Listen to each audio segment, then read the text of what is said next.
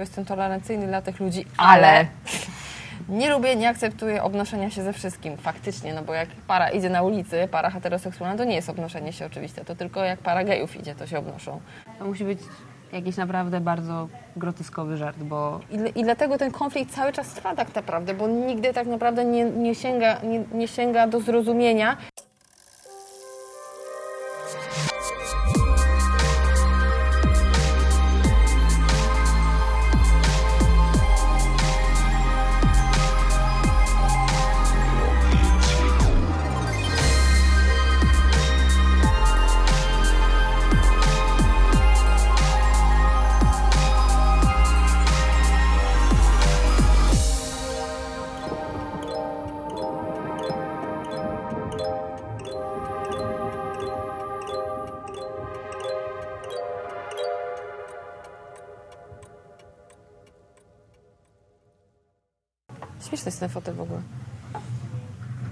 Tak. czuję się na nim jak na toalecie, przez to, że jest taki wylany. zainstaluję ci w takim razie podłokietniki na toalecie, będziesz tak siedziała, tak jak na tronie. Fantastyczny początek przeglądu. Żarty dotyczące fekaliów na początek. Tak Nie, jest. na tronu, a nie jaki fajalik. Tronu, To też jest naturalne. Nie było nic, co kupię. To, ty to powiedziałaś. Witajcie. A jak wy się macie? Tak, witajcie w przeglądzie lipcu. prasy. W lipcu. Miałyśmy małą przerwę przeglądową, bo też e, dużo się działo. Dałyśmy gazetom odpocząć, nam odpocząć od gazet może mniej, ale nie pokazywałyśmy tego. Ale dzięki temu ten przegląd będzie trwał dwie godziny i dlatego zapraszam Was na Nie. Spotify'u, żebyście mogli go sobie posłuchać. Nie, sorry, ja mam tak dużo dobrych artykułów, że szkoda ich nie po prostu nie poruszyć i no jakby spodziewajcie się tego, że będziecie mieć dużo czasu na sprzątanie przy słuchaniu tego przeglądu. Tak, przy słuchaniu tego przeglądu. Myślę, że to będzie najtrafniejsze, żeby słuchać tego przeglądu. Dobra, to w takim razie się streszczamy, bo to też nie jest tak, że mamy cały dzień, więc Nie, mamy tylko pół. Poczekaj, jeszcze coś sprawdzę. jedną ósmą Weź coś mów. mówię. Dobra. Jest, wiesz, retrogradacja, wolę sprawdzić, czy się na pewno, na pewno nagrywa. Dobra. Dobra. To ja cała na biało. Zaczynasz? Tak, powiem o czymś, co było wczoraj. O. E, nie w sobotę, tylko w, czwart- e, w środę. Ja po zdjęciu widzę, o co chodzi. Yy, przepraszam, dwa dni temu. Więc miejsce akcji Pacyfik 1969 rok. Łek, łek, łek, 69. Dużo się działo w tamtym roku generalnie, bardzo dużo się wydarzyło na arenie światowej małej rewolucji. Ale tutaj chodzi mi przede wszystkim o Neila Armstronga, Michaela Collinsa i Buzza Aldrina. Na amerykańskim lotniskowcu USS Hornet podczas kwarantanny po powrocie z wyprawy na Księżyc. Są na zdjęciu. Dlatego jest to tak napisane bardzo nie po polsku, ja- jak to czytam tu, na antenie. na antenie. O. Członkowie misji Apollo 11 wystartowali z Florydy 16 lipca 1969 roku. Na Księżycu znaleźli się 4 dni później, 21 lipca 1969 roku o godzinie 22.17 17 czasu polskiego. Neil Armstrong jako pierwszy człowiek postawił stopę na Księżycu. Kilka chwil później na srebrnym globie pojawił się Buzz Aldrin.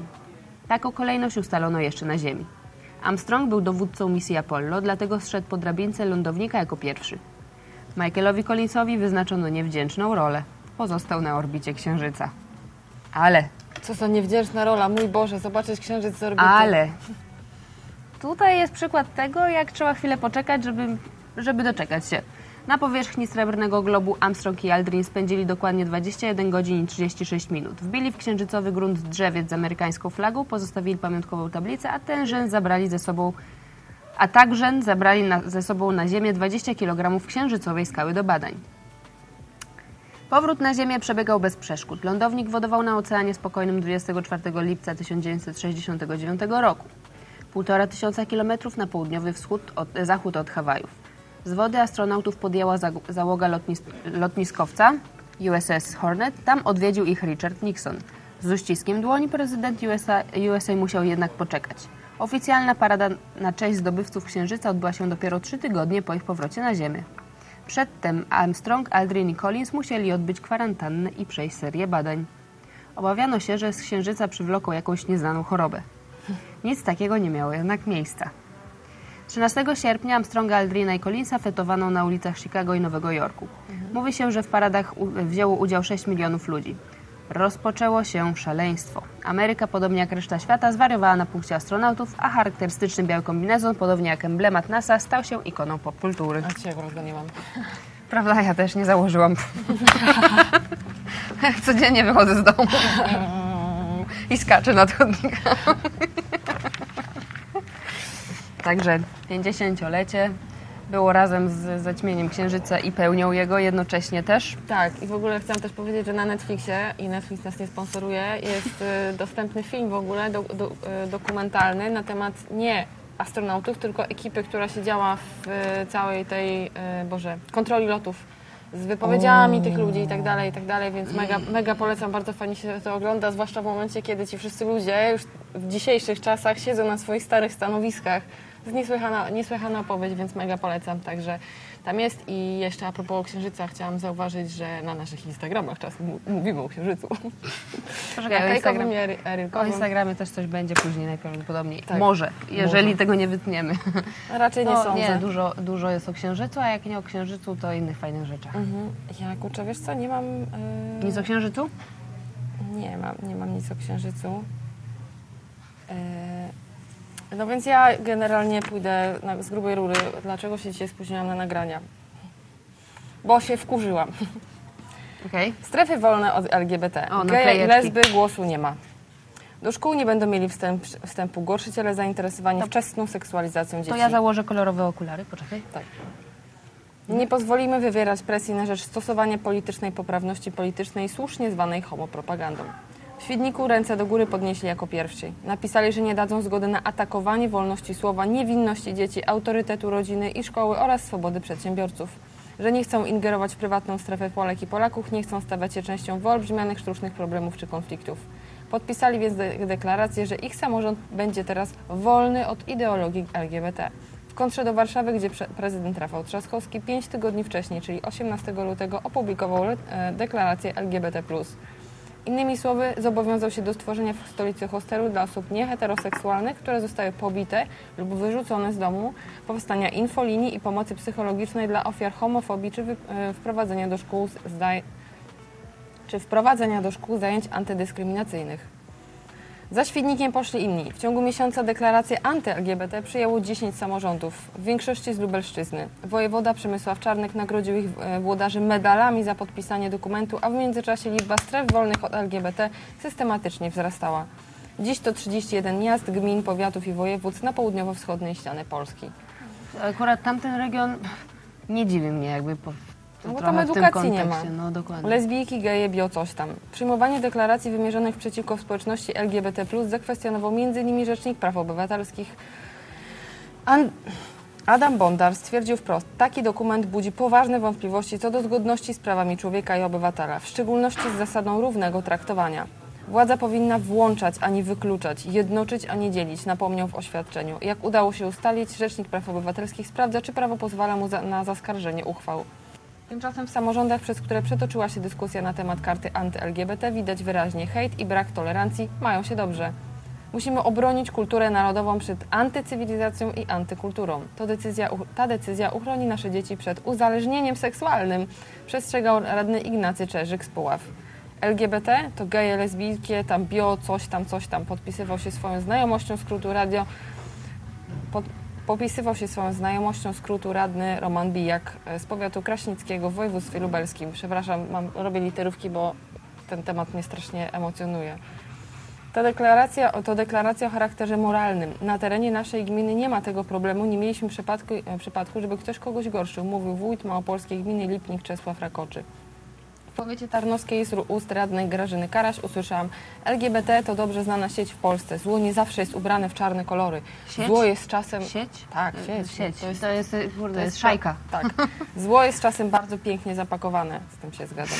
Weto dla, torela- da, dla w tolerancji. Działania lokalnych polityków wspierają inni. Na przykład w Zakopanem Nauczycielska Solidarność wystosowała stanowisko popierające powstawanie takich deklaracji. Powołują się na naukę Jana Pawła II i księdza Popiełuszko, a działające wynikające z karty LGBT nazywają pogwałceniem prawa do ochrony naturalnego wstydu. W Lęborku ponad 300 mieszkańców podpisało się pod inicjatywą w sprawie przyjęcia przez radnych stanowiska o wolności od ideologii LGBT. Projekt nie został jeszcze poddany głosowaniu. Z kolei Kuria Szczecińsko-Kamieńska rozpoczęła wakacje dystrybucji oświadczeń, w których rodzice, e, rodzice parafianie nie zgadzają się na edukację seksualną ich dzieci. Nie ma zgody m.in. na lekcje poświęcanie dojrzewaniu, dorastaniu, równości, tolerancji, przeciwdziałaniu dyskryminacji i wykluczeniu. Czytam. Obywatel, obywatel właściwy nie. Ja to widzę tak. Takie deklaracje nie chronią, ale dążą do rozbijania rodzin, mówi mi Igona e, Szałapak, mama lesbijki i członkini organizacji My Rodzice, My Rodzice zrzeszającej rodziców e, osób LGBT+. Tylko co czwarta matka i co dziesiąty ojciec akceptuje swoje nienormatywne dzieci. Obawiam się, że po podpisaniu podobnych deklaracji nietolerancji rodzice będą się czuć usprawiedliwieni, na przykład wyrzucając swoje dziecko z domu. Polska zamiast być państwem demokratycznym zachowuje się jak naziści, wskazując kto jest właściwym obywatelem dla kraju, a kto nie, argumentuje w rozmowie z wyborczej. Idea podpisywania takich deklaracji jest bardzo niepokojąca. Jej koncepcja, w moim przekonaniu, opiera się na chęci wyłączenia ze wspólnoty lokalnej osób LGBT. W żaden sposób nie opiera się ona na me- merytorycznych przesłankach, ale jest pełna stereotypów i uprzedzeń. Weźmy pod lupę u- e, chociażby zdanie. Gorszyciele zainteresowani seksualizacją polskich dzieci. To świadome pomylenie porządków, powiązanie edukacji seksualnej z seksualizacją. To mit, który jest pielęgnowany. Po co? Aby stworzyć poczucie zagrożenia. Konstytucja e, Rzeczpospolitej jasno mówi o zakazie dyskryminacji. W mojej opinii przyjmowanie takich dokumentów jest z nią sprzeczne, stygmatyzuje i daje przyzwolenie na nierówne traktowanie. Jeśli czytam, że samorząd będzie chronił m.in. nauczycieli przedsiębiorców przed narzucaniem im nieprofesjonalnych kryteriów działania, poprawności politycznej, np. w pracy wychowawczej przy doborze pracowników czy kontrahentów, to dla mnie jest znak, że mówią tak dyskryminacji. Przypominam, wyrok Trybunału Konstytucyjnego dotyczący e, drukarza z Łodzi nie oznacza, że możemy powoływać się na klauzulę sumienia. Mhm. Jeden przypadek. Tak. e. Polityczna nagonka spowodowała, e, spowodowała, że zaczęliśmy odczytywać tęczę jednowymiarowo, jako uwaga LGBT. W, Leszczy, w Leszczynie szefowa Biura do Spraw Uzależnień zakwestionowała plakat wykonany przez uczniów szkoły podstawowej reklamujący Miejski Dzień Dziecka. Zaproponowały, by dzieci narysowały inną re, reklamę pozbawioną elementu tęczy. Nowy Sącz w grudniu ubiegłego roku zmienił hasło i symbol e, miasta. Do tej pory była to tęczowa dłoń i hasło Nowy Sącz dobrze wróży. Teraz miasto reklamuje wizerunek świętej Małgorzaty. W 2015 roku grupa rodziców... Szkoda, że nie z tęczową aureolą. Tak. W 2015 roku grupa, grupa rodziców zaprotestowała przeciwko wyremontowanemu przedszkolu Tęczowa Kraina w Rybniku. Nie spodobała im się tęcza namalowana na jednej ze ścian, która miała nazwa. sześć, a nie siedem kolorów. Rodzice uznali, że to jawna promocja homoseksualizmu.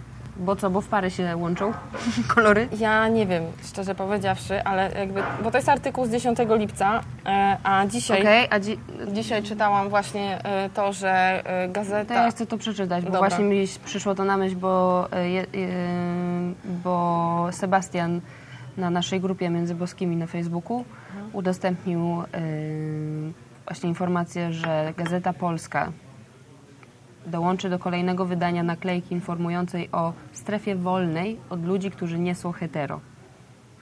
I to, jak, jak, jak ja to przeczytałam na samym początku, myślałam, że to musi być jakiś naprawdę bardzo groteskowy żart, bo co oznacza, że coś jest strefą wolną hetero? Jak na tablicy na ulicy ktoś przyklei taką naklejkę, to znaczy, że ja nie mogę wejść dalej? Bo, bo nie wiem, bo może jestem bi, albo może jestem homo, albo może, nie wiem, może kocham zwierzęta, a to się, to się równa z tym, że, że, że nie jestem hetero, bo, nie kocham tylko ludzi No, płci męskiej. Jakby, no nie wiem. no tak. Znaczy, To, to jest raz, że porównanie tutaj do nazistów no jest w tym momencie bardzo niestety trafne. trafne bo, Trafne, bo to jest... w tym momencie to jest po prostu ograniczanie zwykłej wolności ludzkiej. Jak Tak. Najzwyklejszej wolności ludzkiej w każdym jednym aspekcie. I czy jest ubrany w tęczę, czy jest ubrany na czarno, czy wygląda jak gej, lesbijka, czy wygląda jak każdy człowiek, jakkolwiek by w ogóle to miało opisywać Mhm. człowieka, to co to ma w ogóle jak można wprowadzać w- tego rodzaju dyskusje, jakby inaczej nie, jak można wprowadzać tego rodzaju ograniczenia między ludzi. Wiesz co, y, To tylko pokazuje, jak dużo jest strachu i niewiedzy w, y, na wymiarze, jakby wśród ludzi, którzy wprowadzają te ustawy albo wprowadzają te oświadczenia. Jak dużo, jak, jak bardzo Kościół się boi tego, że ludzie y, Są różni. Nie wiem, są różni, a przecież o czym mówi Kościół, o czym mówi Biblia na samym początku, o No. wieży Babel. No tak, to jest po pierwsze, znaczy powiem ci, powiem ci tak, po pierwsze jakby dla mnie bardzo ironiczne i bardzo gorzkie jest to, że my dzisiaj działamy według, e, że my dzisiaj jesteśmy poddawani dokładnie tym samym metodom, które stosował Goebbels i który zdehumanizował e, inną rasę tylko dlatego, że ona komuś nie pasowała. I to dokładnie tak samo się zaczęło. Tak. Oni są od nas gorsi, oni są tacy, oni są śmacy, my jesteśmy że narodem... inni, tylko nie, że są gorsi. Oni są gorsi. My jesteśmy narodem wybranym. To, to, jest, to, to, jest, to jest prosta rzecz. Najpierw okazujesz innym, że jakaś grupa ludzi jest mniej człowiekiem niż ty, co powoduje, że ty Tak. się czujesz swobodniej z tym, żeby ich obrażać, żeby ich bić No, na ulicy za, za inność. To jest czysta dehumanizacja Dokładnie tak, człowieka. a potem, potem generalnie od jakby w momencie, kiedy masz coś, to nawet nie jest człowiek, coś, co jest inne niż ty myślisz, to masz pełną przyzwolenie na to, żeby to coś niszczyć, łącznie z wymordowaniem całego praktycznie narodu, tylko dlatego, że uważasz, że, że przecież oni nie są ludźmi. Dokładnie tak samo jest, on, zwierzęta nie mają duszy, więc można je mordować. Człowiek Geje o nie czarnym, mają duszy, te- więc więc też można go można ich mordować. mordować, E, Ludzie, którzy mają inny kolor skóry też nie są przecież biali i więc, więc w takim razie też można ich mordować. To jest po prostu najprostsza droga do tego, żeby usprawiedliwiać to, żeby niszczyć drugiego człowieka tak naprawdę i pokazuje Tylko jak i bardzo tylko i wyłącznie, Poczekaj, no. no. I jak bardzo my jesteśmy, sorry, ale analfabetami historycznymi. Ta sytuacja miała miejsce 70 lat temu. To nawet nie jest jedno pokolenie, a my już dzisiaj robimy dokładnie to samo. Ja po prostu nie mogę tego pojąć. Nie jestem w stanie pojąć, jak można być tak ograniczonym umysłowo. Naprawdę. Że wiesz co, to jakby przy, przykre jest to, że to nie jest 70 lat. To się powtarza przez 70 lat cały czas na, No. w różnych kulturach, w różnych, y, na różnym wymiarze. Cały czas się powtarza i ta historia non-stop zatacza koło, koło, koło. To jest może 70 lat w, dla wymiaru polskiego, bo w Polsce tego rodzaju rzeczy się nie zdarzyły do tego, do tego stopnia wcześniej. e, w tak dużym wymiarze, bo to my byliśmy swego czasu e, narodowościowo e, jakby grupą LGBT, tak to określę, teraz porównując. Natomiast to się dzieje non-stop. I przerażające jest to, że nie ma po prostu wy- wyciągniętej żadnej lekcji, tylko jest, tak jak mówisz, analfabetyzm i poddawanie się z uprzedzeniom, których się nawet nie chce zrozumieć albo rozwiać, tylko dlatego, że to jest jakiś element natury, kultury, który jeżeli nas nie dotyczy, to uznajemy, że jest dziki i y, odczłowieczamy go. Ale to jest wynika ze strachu tak naprawdę. No tak, to nie jest- znasz czegoś, więc w to jest takim to, razie to, to, jest to, musi być złe, To jest tak? to, co jakby z, z, dokładnie to jest to, o czym mówiłyśmy wcześniej, odnośnie tolerancji, kiedy rozmawiałyśmy kiedyś jeszcze na temat tolerancji w ogóle wobec czarnych, Azjatów i tak dalej, innych narodowości. Mhm. A tutaj jest to wobec po prostu drugiego człowieka. I Jakby każda agresja, każde działania bazowane na uprzedzeniach wynikają ze strachu, nic niczego innego. Poza- z niewiedzy no. i strachu. A poza tym e, podzielonym narodem dużo łatwiej się rządzi. I to nie ma, naprawdę to nie ma znaczenia, która partia jest rządząca. Podzielonym narodem No, to prawda. zawsze łatwiej rządzić. I jeszcze chciałabym zaznaczyć, bo to jest mega ważne. My teraz mówimy o dehumanizacji środowisk LGBT, o dehumanizacji środowisk na przykład feministek, o dehumanizacji osób o innym kolorze skóry, ale nie ma co ukrywać tego, że tak samo dehumanizowane były grupy 8-10 lat temu, które były tak zwany polski B, osoby głosujące na PiS, osoby katolickie. To jest dokładnie to samo. To nie jest tak, że tylko osoby LGBT są dehumanizowane, bo druga strona używa tych samych narzędzi w stosunku do grupy, których też nie rozumie. Które, które nie ma czego, jak, jeżeli po, popierasz na przykład, nie wiem, uważasz, że głosujesz na PiS, to od razu spotykasz się z tym, że jesteś ograniczonym katolem, który nienawidzi innych ludzi. To nie jest do końca tak. To, tak. to tak do końca nie działa. Więc ja bym się jeszcze zastanawiała nad tym, że w momencie, kiedy my ogłaszamy, że nie zgadzamy się na LGBT, czy my aby na pewno nie używamy tych samych narzędzi do osób, które w ten sposób mówią o naszej grupie tak naprawdę, albo o innej grupie. Bo nic się nie zmieni w świecie, jeżeli będziemy się przerzucać dokładnie tymi samymi argumentami, tylko będą, będącymi, dotyczącymi zupełnie innych grup tak naprawdę. Tak, i przyczyna tego zawsze jest ta sama, czyli brak e, chęci do dowiedzenia się czegoś więcej i Tak. próby zrozumienia drugiej strony, argumentów drugiej strony. Tylko No. natychmiast odrzucasz je, bo się boisz poznać, albo nie chcesz poznać, albo jest, jest ci wygodnie w miejscu, w którym Wygodnie jesteś. Mhm. Więc y, po co się starać, po co się wysilać, żeby poznać argumenty drugiej strony, bo przecież one i tak to od ciebie nie dotyczą, bo ty masz swoje własne przekonania i swoje własne miejsce tutaj ja w tym jestem miejscu. mądrzejszy, więc jestem bardziej wykształcony, mieszkam w mieście, wiem dokładnie lepiej. tak. I ja Wiesz co, ja w tym kontekście, to Właśnie- przytoczysz, bo mam artykuł, który na ten temat mówi, który jest bardzo e, dobry i bardzo chciałabym go prze, przeczytać. Czekaj, czekaj. O. Połowa mojej rodziny głosuje na PiS. Przestańcie ich lekceważyć. Prawie wszyscy byli początkowo nieufni i zdystansowani. Panie Grzegorzu, zawsze jest miło pogadać, ale to, że ten artykuł się kiedyś ukaże, to panu nie wierzę. Zgadzali się na rozmowę i otwierali dopiero po obietnicy, że ich nie obrażę i nie wyśmieję. To niełatwe. No bo jak szczerze i bez retuszów opisać krewnych i bliskich, nie popadając ani przez chwilę w karykaturę? Jak uchronić ich przed żartami obelgami? Jak ich uspokoić, że po ewentualnej zmianie rządy nie spotkają ich, czego szczerze się obawiają, żadne przykrości czy reperkusje? Jak z nimi rozmawiać bez popadania w e, utarte kolejnych, w których niepoprawnie i politycznie nasi i wasi są nawet kolejarze, strażacy czy policjanci? Otóż po historycznej wygranie PiSu w eurowyborów polskie ziemie, ze szczególnym uwzględnieniem skażonego terenu social mediów, jak również radioaktywnych obszarów mediów tradycyjnych, ponownie obrodziły we wszechwiedzących wiedzów, e, we wszechwiedzących ekspertów. Nagle wszyscy doskonale wiedzą, dlaczego PiS wygrał, jakie są przyczyny porażki koalicji europejskiej oraz jakie uczucia i potrzeby, jakie troski, lęki przepełniają duszę zwykłego Polaka. Część e, liberalnych polityków, publicystów i celebrytów wzięła się do rozliczenia wyborców. Dwa przykłady z brzegu. Słowa Komorowskiego głosujących, a nie płacących podatków. Słynny rysunek, e, udostępniony przez Krystynę Jandę. Polityk stojący z 500-złotowym banknotem nad klęczącą staruszką Daj głos. Z kolei lewicowi i liderzy opinii rzucili się na, e, i na przegranych polityków koalicji, i na wszystkich, którzy tę porażkę komentowali bez dogłębnej znajomości polskiego ludu, który dogłębnie zna tylko prawdziwa polska lewica. Ta rytualna wymiana ciosów nikogo z nas nie posunie o krok do przodu. Dlaczego PiS wygrał nawet europejskie wybory? Dlaczego jesienią Polaku, Polacy z duch na nich nagłosują? Czy to nie przeszkadza, czy nie przeszkadza im sojusz z ołtarzem? Za jaką wizję Europy głosowali? Czy ich myślenie formatuje automat do pasków TVP Info? Postanowiłem spytać tych, którzy głosują na PiS. Moi rodzice mieszkają w e, kaszubskiej wiosce liczącej tysiąc mieszkańców. Na PiS głosowało 55%, w tym tato, który, gdy przyjeżdżamy w gości, nie potrafi wytrzymać kwadrasa bez trocenia jakiejś pochlebnej uwagi o PiSie. I to mimo absolutnego zakazu rozmów o polityce przy stole wprowadzonego przez mama, która głos oddała na Magdalenę Adamowicz. Mama ma siedmioro rodzeństwa, tata siedmiu braci. Wszyscy bracia te mieszkają na Kaszubach, czterech z nich w jednej wiosce, 40 km od naszej. Tam na PiS zagłosowało 60% mieszkańców.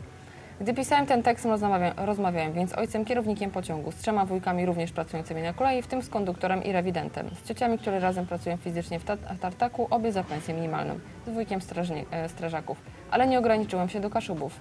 Rozmawiałem z ciocią z Podkarpacia, emerytowaną nauczycielką, gorliwą katoliczką, z 65-letnim zwolennikiem PiSu z Podhala, zawodowym szlifierzem i wieloletnim myśliwym i z e, Marcinem Bartnickim, 34-letnim sz- socjologiem, specjalistą od reklamy z Warszawy, agnostykiem od czasu publikującym na, na ramach do rzeczy i 45-letnim wo- e, rolnikiem e, z Wielkopolski, który, z którego żoną miałam okazję rozmawiać, ale żona myśli dokładnie tak jak i ja i, mam, i nam się przysłuchuje. I z 80-letnim profesorem z Podtorunia, który nieodpłatnie daje wykłady na uczelni ryzyka. To nie jest grupa reprezentatywna, ale rozmawiałam z mężczyznami i kobietami, starszymi młodszymi, z wykształceniem zawodowym, średnim wyższym, z mieszkańcami Polski Północnej, Południowej i Wschodniej, mieszkańcami wiosek, małych miast i stolicy, wierzącymi i agnostykiem. Wszyscy głosowali na PiS teraz i deklarują, że zagłosują na PiS jesienią. I prawie wszyscy byli początkowo nieufni i zdystansowani.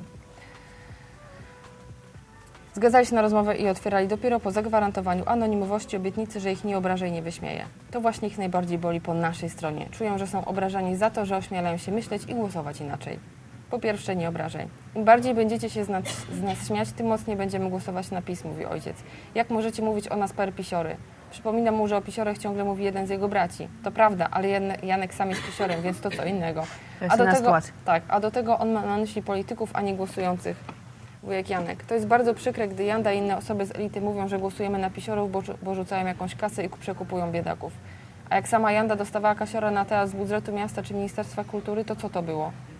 Możesz powiedzieć tym wszystkim w Warszawie, że na jesień będzie, będziecie mieli podwójnie sromotne przegranie, bo kto obraża PiS, ten nas obraża. I my teraz się zmotywujemy. Nie wierzę, że opozycja wygra, ale niech przynajmniej nie obrażają obywateli, podnosi ton inny z wujków. Niemcy teraz piszą, że Kaczow wygra wybory. No to kurwa, to Kaczow czy my wygraliśmy? Czy my, Polacy, wygraliśmy? Zwracam uwagę wujkowi, że reaguje dość emocjonalnie. No a jak mam inaczej? Schetyna chce zlikwidować PiS, zniszczyć Kaczorach. To znaczy, że on chce zniszczyć nas, Polaków. Zniszczyć. Ja to tak odbieram. Bo to my dajemy Kaczorowi mandat do rządzenia. Kaczor? Co on ma do rzeczy? To tu zwykli obywatele mają głos. I ty musisz być Grzesiu patriotą, Polaką i też głosować za polskimi wartościami.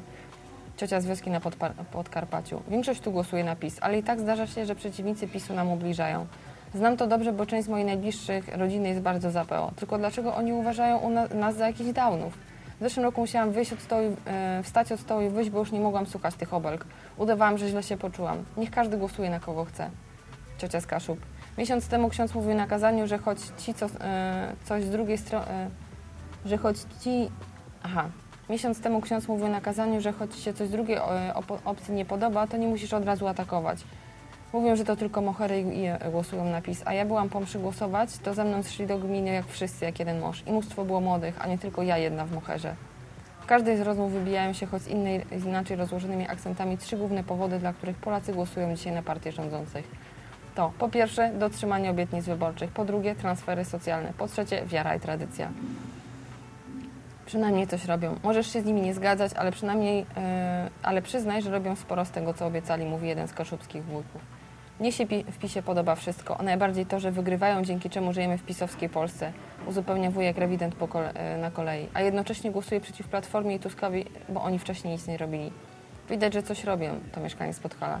Wystarczy popatrzeć na naszą Zakopiankę. Przychodzi weekend, auto za autem, korki niesamowite, góry oblężone, zakopane, zawalone ludźmi. Wcześniej Tatry świeciły pustkami. No nie, zawsze było dużo ludzi, ale takich tłumów jak teraz nigdy, bo ludzi stać i możecie mówić, że to nie zasługa PiS, bo każdy może mówić co chce, akurat za to nie zamykają. Mówi się, że Unia, że, jest Unia, że jest koniunktura. No może, ale rządzący dopiero, wcześniej dopiero co mówili, że wszystko się załamie. I zobacz, tu na wsiach samochodów pełno, markety pełne ludzi, wszystko się buduje, a ludzie praktycznie przestali już kupować w sklepie na zeszyt. I jeszcze się nic nie załamało, dodaje ojciec. Ja nie mam złudzeń, mówi wujek, który 30 lat temu został strażakiem. Wszyscy politycy kradli, kradną i będą kraść dalej. Ci teraz tak samo jak inni, a różnica jest taka, że ci dzielą się tym, co nakradną z nami, a tamty się nie dzielili. Inni z wujków pracujących na kolei. Każdy kolejny rząd bierze stanowiska, spółki państwowe i wszystko obsadza swoimi ludźmi. Ten tak samo, a następni, nawet jakby ludzi zwolnili, to jeszcze wymienią w biurze fotele i stół, bo przecież ten chujny siedział na tamtym fotelu. Taka dzisiaj jest nienawiść. Tata. Opozycja krzyczy, jakie to miliardy są wydawane z budżetu państwa na Polaków. My tu, Grzegorz, na wsi, myślimy może prosto, ale myślimy tak. No to jak ten PiS wydaje na nas takie wielkie miliardy, to dlaczego mamy na niego nie zagłosować? Wczoraj miałem nocną służbę i rozmawiałem z, pasza, z pasażerem, starszym dziadkiem i on mówi tak, panie, ale dlaczego nie być z tymi, którzy chcą coś dla nas, dla, dla nas dać ludzi? Panie, to, ale dlaczego nie być z tymi, którzy chcą coś dać dla ludzi? A wcześniej to rozdawali, ale głównie chyba między sobą. Albo nie wiem, dawali, ale nie chcieli się tym chwalić. Jednocześnie wszyscy rozmówcy przekonują mnie, że dla nich akurat nie transfery socjalne są najważniejsze i bez innych powodów to byłoby za mało. Dają, no oczywiście trzeba brać, ale dla mnie ważniejsza jest wiarygodność. Tamci nie mają dla mnie żadnej wiarygodności, mówi myśliwy z wioski na Podhalu. Przecież rządzili tyle lat, to czemu nie dawali? Bo pakowali w swoje kieszenie, kto im bronił rozdawać. Czyli jednak rozdawnictwo. Nie, tak jak pan Morawiecki kiedyś powiedział, z dobrobytu państwa nie mają korzystać tylko elity. Wszyscy muszą po trochu i teraz wszyscy coś z tego korzystamy, a nie tylko, że pasie się mała grupka bogatych. Można? Można. Ja już mam dorosłe dzieci i trochę mi zostało do emerytury, więc osobiście z tego nie korzystam, mówi mi tata. Ale mam wielką satysfakcję z tego, że inni mają lepiej, że dokładają biedniejszym i że moje dzieci i wnuki korzystają. Wiesz, w ilu domach na wioskach wysłano do urn e, wyborczych babci e, i dziadków? Mówili, tata, idź zagłosuj, bo nam to odbiorą. Sam nie dostałem nic od PiSu i spodziewam się raczej, że w kolejnej kadencji zapłacę wyższe podatki, ale rozumiem, że to niezbędne, aby marginalizowane grupy społeczne miały szansę na wyrwanie się ze swojego marnego położenia i przerwanie zjawiska dziedziczenia biedy. Mówi Marcin Bartniński, 34-letni socjolog z Warszawy głosujący na PiS. Marcin się zgadza, za- że wzrost gospodarczy, który Kaczyński wykorzystał, jest niezależny od PiSu, ale jest zasłu- już za- już zasługą tej partii jest odpowiednia dystrybucja wzrostu PKB. Nie chodzi tylko o 500, ponieważ część wyborców PiS również nie lubi rozdawania publicznych pieniędzy. W 2015 roku najniższa krajowa wy- wynosiła 1700 brutto. Zapowiedziana przed minister e, Rafalska kwota na 2020 jest o 700 zł wyższa. Wbrew zapowiedziom liberałów ten wzrost nie powoduje gospodarczej katastrofy, ale zwiększenie w pensji w całej gospodarce i dodatkowe na napędzanie koniunktury. Czekaj, czekaj, czekaj, czekaj. Pedofilia. My tu chodzimy do kościoła od dziecka. Wiara i tradycja. Tak bym określił główne powody, dla których na nich głosuję, mówi mi profesor z prawa spod Torunia. PiS przywiązuje wielką wagę do tego, że jesteśmy Polakami, a ja jestem wychowany jeszcze na Sienkiewiczu. Całą trylogię czytałem cztery razy. Ja dwa. Od myśliwego z Podhala dowiaduje się, że cała opozycja walczy z Kościołem. A ja jestem przeciwko temu. Nie jestem jakiś świętojebliwy. Przepraszam. Nie jestem jakiś świętobliwy, ale atakować. Ale atakować Kościół? No, bardzo ładny schemacik ze mnie wyszedł. Nie chcesz chodzić, to nie chodź, ale po co takie profanacje? Matkę Boską w gejowską koronę? Przecież to chore. Ci, co to robią, sami się podkładają. Nauczycielka z Podkarpacia. Głosowałam na PiS, bo jestem bardzo religijna. Wychowałam piątkę dzieci, nie jestem za aborcją, nie jestem za związkami partnerskimi. Ale gdyby, e, a gdyby w dalszym ciągu pracowała Pani na nauczycielka, głosowałaby Pani inaczej? No pewnie tak, byłabym solidarna z innymi, ale jestem już stara, polityką się aż tak bardzo nie interesuję, a wiara jest dla mnie bardzo ważna. Socjolog. Jako agnostyk nie mam problemu z zagłosowaniem na PiS, bo, pań, bo relacje państwo-kościół mają dla mnie trzeciorzędne znaczenie. Nie uważam też, aby legalizacja związków partnerskich, czy nawet adoptowanie przez parę seksualne było czymś złych. Dla dzieci, dla dzieci lepsze to niż dom dziecka. Ale to również nie są sprawy istotne dla całego państwa. Poza tym nie oszukujmy się, ani PO, ani nawet SLD nic w tych kwestiach nie zmieniły. PiS tylko kontynuuje ich politykę. Praktycznie każdy z moich rozmówców oglądał przynajmniej raz, tylko nie mów nikomu. Cały dokument, czy dokument sekielskich o pedofilii w kościele wpłynął w jakikolwiek sposób na ich wiarę lub stosunek do PiS? Profesor prawa. Wychowałam się w wierzącej rodzinie i tak już zostanę do końca życia, ale nie jestem wielkim fanem kościoła, bo mnie jeszcze ojciec w dzieciństwie nauczył, żeby odróżniać Boga od kościoła i jego kapłanów. Ta lekcja teraz mi się bardzo przydała po 60 latach. Nie jestem też wielkim fanem małżeństwa, ołtarza i tronu, ale sprawy wiary są dla mnie na tyle istotne, że i tak najbliżej im po drodze z pisem. Film widziałem dwukrotnie i dwukrotnie byłem w szoku. Spodziewałam się, że są takie sytuacje, no ale nie aż w takim stopniu, mówi wujek strażak. Jestem za tym, że to zostało dogłębnie zbadane, osadzone, osądzone i ukarane, wypalone do gołej ziemi bez przedawnienia. Ci, którzy ukrywali, też powinni być karani, bez znaczenia, czy to biskup, czy święty. Wątpię, że Kościół sam sobie z tym poradzi. Musi być zewnętrzna komisja. Rząd nie może się tu uchylać. Jakby nie będę przytaczać całego tego artykułu, bo sam artykuł zajmie nam jeszcze 40 minut, ale e, przytoczyłam go właśnie po to, żeby pokazać, jacy ludzie są po drugiej stronie i że to są normalni ludzie, którzy normalnie myślą, mają swoje potrzeby, mają swoje nadzieje, marzenia, plany i dostrzegają duże rzeczy w tym społeczeństwie. Więc to nie jest tak, że tamci ludzie są ciemnogrodem, który nic nie kuma. Znaczy, ja bym w ogóle powiedziała, że y, te, te, te y, r- rozróżnienia, które są spowodowane poglądami politycznymi, inaczej, ja w politykę nie chcę wchodzić, bo ja się polityką nie interesuję na tyle, żeby móc się merytorycznie, politycznie do tego odnieść, kto ma rację, kto nie ma racji, bo to nie o to chodzi.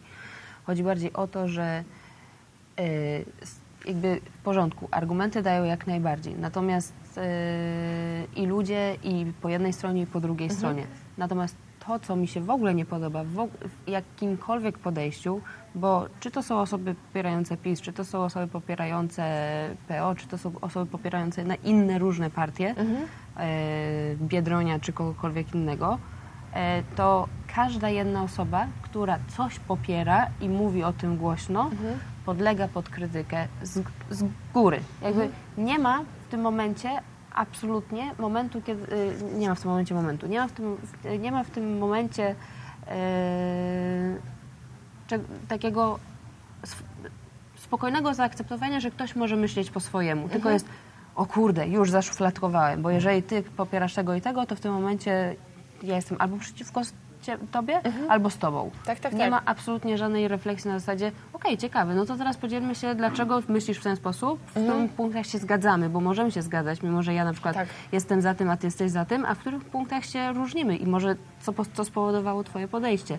I jeżeli by takie rozmowy były przeprowadzane między ludźmi, a nie obrzucanie się błotem i kto ma to błoto cięższe i bardziej brudzące, Tak. to w tym momencie jakby wszystko byłoby na miejscu. Natomiast niestety polityka od lat wygląda, jakby to, to nie jest rzecz nowa, tylko to jest od zarania dzieł. W polityce taka rzecz, że im brudniej, tym lepiej. Im większe obelgi, im większe inwektywy, tym lepiej. Po prostu musimy najpierw skopać kogoś, kto leży przed nami, kto jest teoretycznie naszym przeciwnikiem, ludzi, którzy, za, którzy go popierają, tak samo obrzucić Tak. gazem i w ogóle, a potem możemy rozmawiać. Chociaż i tak nie będziemy rozmawiać, bo oni wiedzą gorzej. Tak, oni oni- wiedzą mniej, oni są, tak. oni są gorsi. I Ale jedna i no. druga strona to robi. Tak, tak, oczywiście, że tak. I jeszcze, To wiesz, je- jeszcze przy to tym, przy tym wszystkim jakby...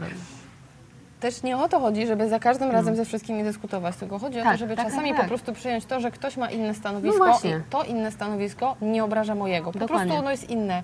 Mnie nie obraża to, że ktoś gdzieś, czy nawet siedzący obok we mnie gdzieś tutaj e, ma, m, popiera tą czy tamtą partię. To jest Mhm. jego sprawa. Mnie to nie interesuje do momentu, w którym on postulatami tej partii nie wyciera sobie e, tłumaczenia tego, dlaczego dyskryminuje jakiekolwiek grupy. Jakiekolwiek grupy. Tak, W ogóle, albo w ogóle tłumaczenie nie- nie- poglądami tego, Czy że dyskryminuje, czy Tak. w, ogóle zachowuje się w jakiś konkretny sposób. Tak, i to jakby. prostu. I, ty, i, ty, I tyle, i aż tyle tak naprawdę No. w tym kontekście. To ja mam odnośnie tych dwóch artykułów niewygodne cudze buty. O, Jak być empatyczny, mały poradnik dla czytelnika spragnionego wytchnienia. O, wytchnienia.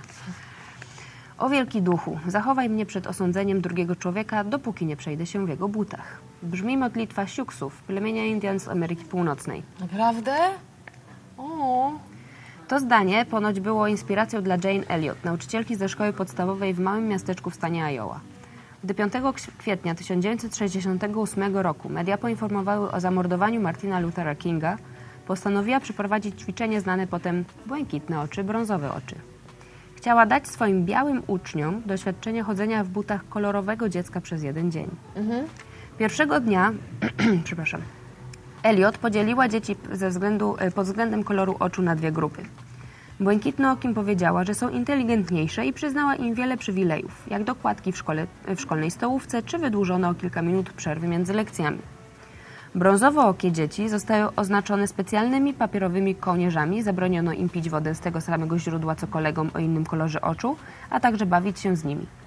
Z czasem błękitnookie dzieci stały się aroganckie i nieprzyjemne wobec kolegów w kołnierzach. Tydzień później nauczycielka oświadczyła, że zaszła pomyłka. To jednak dzieci o brązowych oczach są inteligentniejsze, przekonywała. Od tego dnia mogły zatem rozkazywać dzieciom o błękitnych oczach, a także przejęły ich przywileje. Dostosowały się do wskazówek Elliot, ale nie dokuczały swoim kolegom z taką intensywnością jak pierwsza wyróżniona przez nią grupa. Doświadczenie zrozumienia sytuacji drugiego człowieka budzi empatię. W kontaktach międzyludzkich może być ona tym, co po angielsku nazywamy game changer, czyli czynnikiem zmieniającym zasady gry. Ćwiczenie zaprojektowane przez Elliot pokazuje, że niełatwo być empatycznym, nawet jeśli samemu wcześniej doświadczyło się złego traktowania. Empatia zmienia jednak świat na lepsze, na odrobinę lepsze, a to już bardzo dużo. Nie trzeba sięgać aż do, do zróżnicowanych rasowo Stanów Zjednoczonych, aby zmienić społeczeństwo, w którym empatia mogłaby wiele zmienić. Mamy No. przykład poprzednich dwóch chociażby artykułów. dokładnie. Takim społeczeństwem jest nasze polskie. Tu ćwiczenie z niebiesko i brązowo, e, i brązowokimi dziećmi możemy zobaczyć w większej skali. Środowiska, które można ogólnie określić opozycyjnymi, przeżywają dziś głęboko poczucie utraty. Jest to utrata pozycji politycznej, miejsca w hierarchii społecznej, utrata bycia słuchanym. Reagując na nią, ich przedstawiciele są pełni gniewu, skorzy do obrażania przeciwnika politycznego i jego wyborców. Choć przeżywamy często dokładnie to samo, co zwolennicy obecnego rządu przed 2015 rokiem, nie jesteśmy w stanie ich zrozumieć. Brakuje empatii, a to ułatwia politykom rozgrywanie sceny partyjnej głębokim podziałem, psującym Rzeczpospolitą i, unie- i uniemożliwiającym ponadpartyjne i ponadpokoleniowe reformy. Dlaczego tak jest? Dlaczego nie umiemy być wystarczająco empatyczni? Być może dlatego, że w przeciwieństwie do dzieci z Iowa zdążyliśmy się już doskonale przyzwyczaić do podziału na dwie grupy i do tego, że raz jedna, a raz druga jest brutalnie pozbawiana pozycji. Jane Elliot wyprowadziła swoim ćwiczeniem uczniów z ich strefy komfortu. My, funkcjonując w warunkach radykalnej pola- polaryzacji, paradoksalnie się w niej znajdujemy. Sprawy nie poprawia fakt, że w dzisiejszym świecie jesteśmy jednocześnie znużeni i osamotnieni. Znużeni, bo w wypełnionym całodobowymi telewizjami informacyjnymi i mediami społecznościowymi świecie nie jesteśmy w stanie wyśledzić wszystkiego i budować skomplikowanego obrazu rzeczywistości. Łatwiej poprzestać na własnej bańce. Osamotnieni, tak jak samotny człowiek, wokół którego nie ma już nikogo, kto miałby inne zdanie niż on sam. Niedawno. I teraz mamy trzy opcje. Dla wymagających. Współodczuwaj ze swoim hejterem. Hejt ma wiele twarzy. Czasem to obcy człowiek, internauta, który ni z tego nizowego dopisze okrutne słowa pod adre- adresem kogoś lub czegoś, co kochamy. Jeden z moich facebookowych znajomych cytował ostatnio wypowiedzi różnych osób po śmierci Bronisława Geremka. Mędy wy- wyczuwam na odległość. Żydowskie ścierwo. Płoń w piekle, Żydzie, tam twoje miejsce. I pytał wprost, czy aby takimi osobami nie gardzić. Czasem hejter to znajomy, który głosuje na inną opcję polityczną i, do, i dosadnie daje nam, do wy, y, daje nam wyraz swojego poczucia wyższości. A innym razem hejterzy to ci, którzy wyrokują o tym, jakimi jesteśmy ludźmi, jakimi rodzicami, jakimi dziećmi, choć nigdy nie przeszli ani jednego kroku w naszych butach. Dlaczego mielibyśmy odczuwać empatię wobec osób, które piszą lub mówią takie rzeczy? Te wypowiedzi nie domagają się współodczuwania, powie ktoś, ale właściwego osądzenia, a w niektórych sytuacjach nawet zgłoszenia na policję. Jeśli jednak uznajemy empatię za cnotę, powinniśmy wykonywać ćwiczenia, by zrozumieć osobę, która jest po drugiej stronie. Niektórzy mogą się obruszyć na taką propozycję.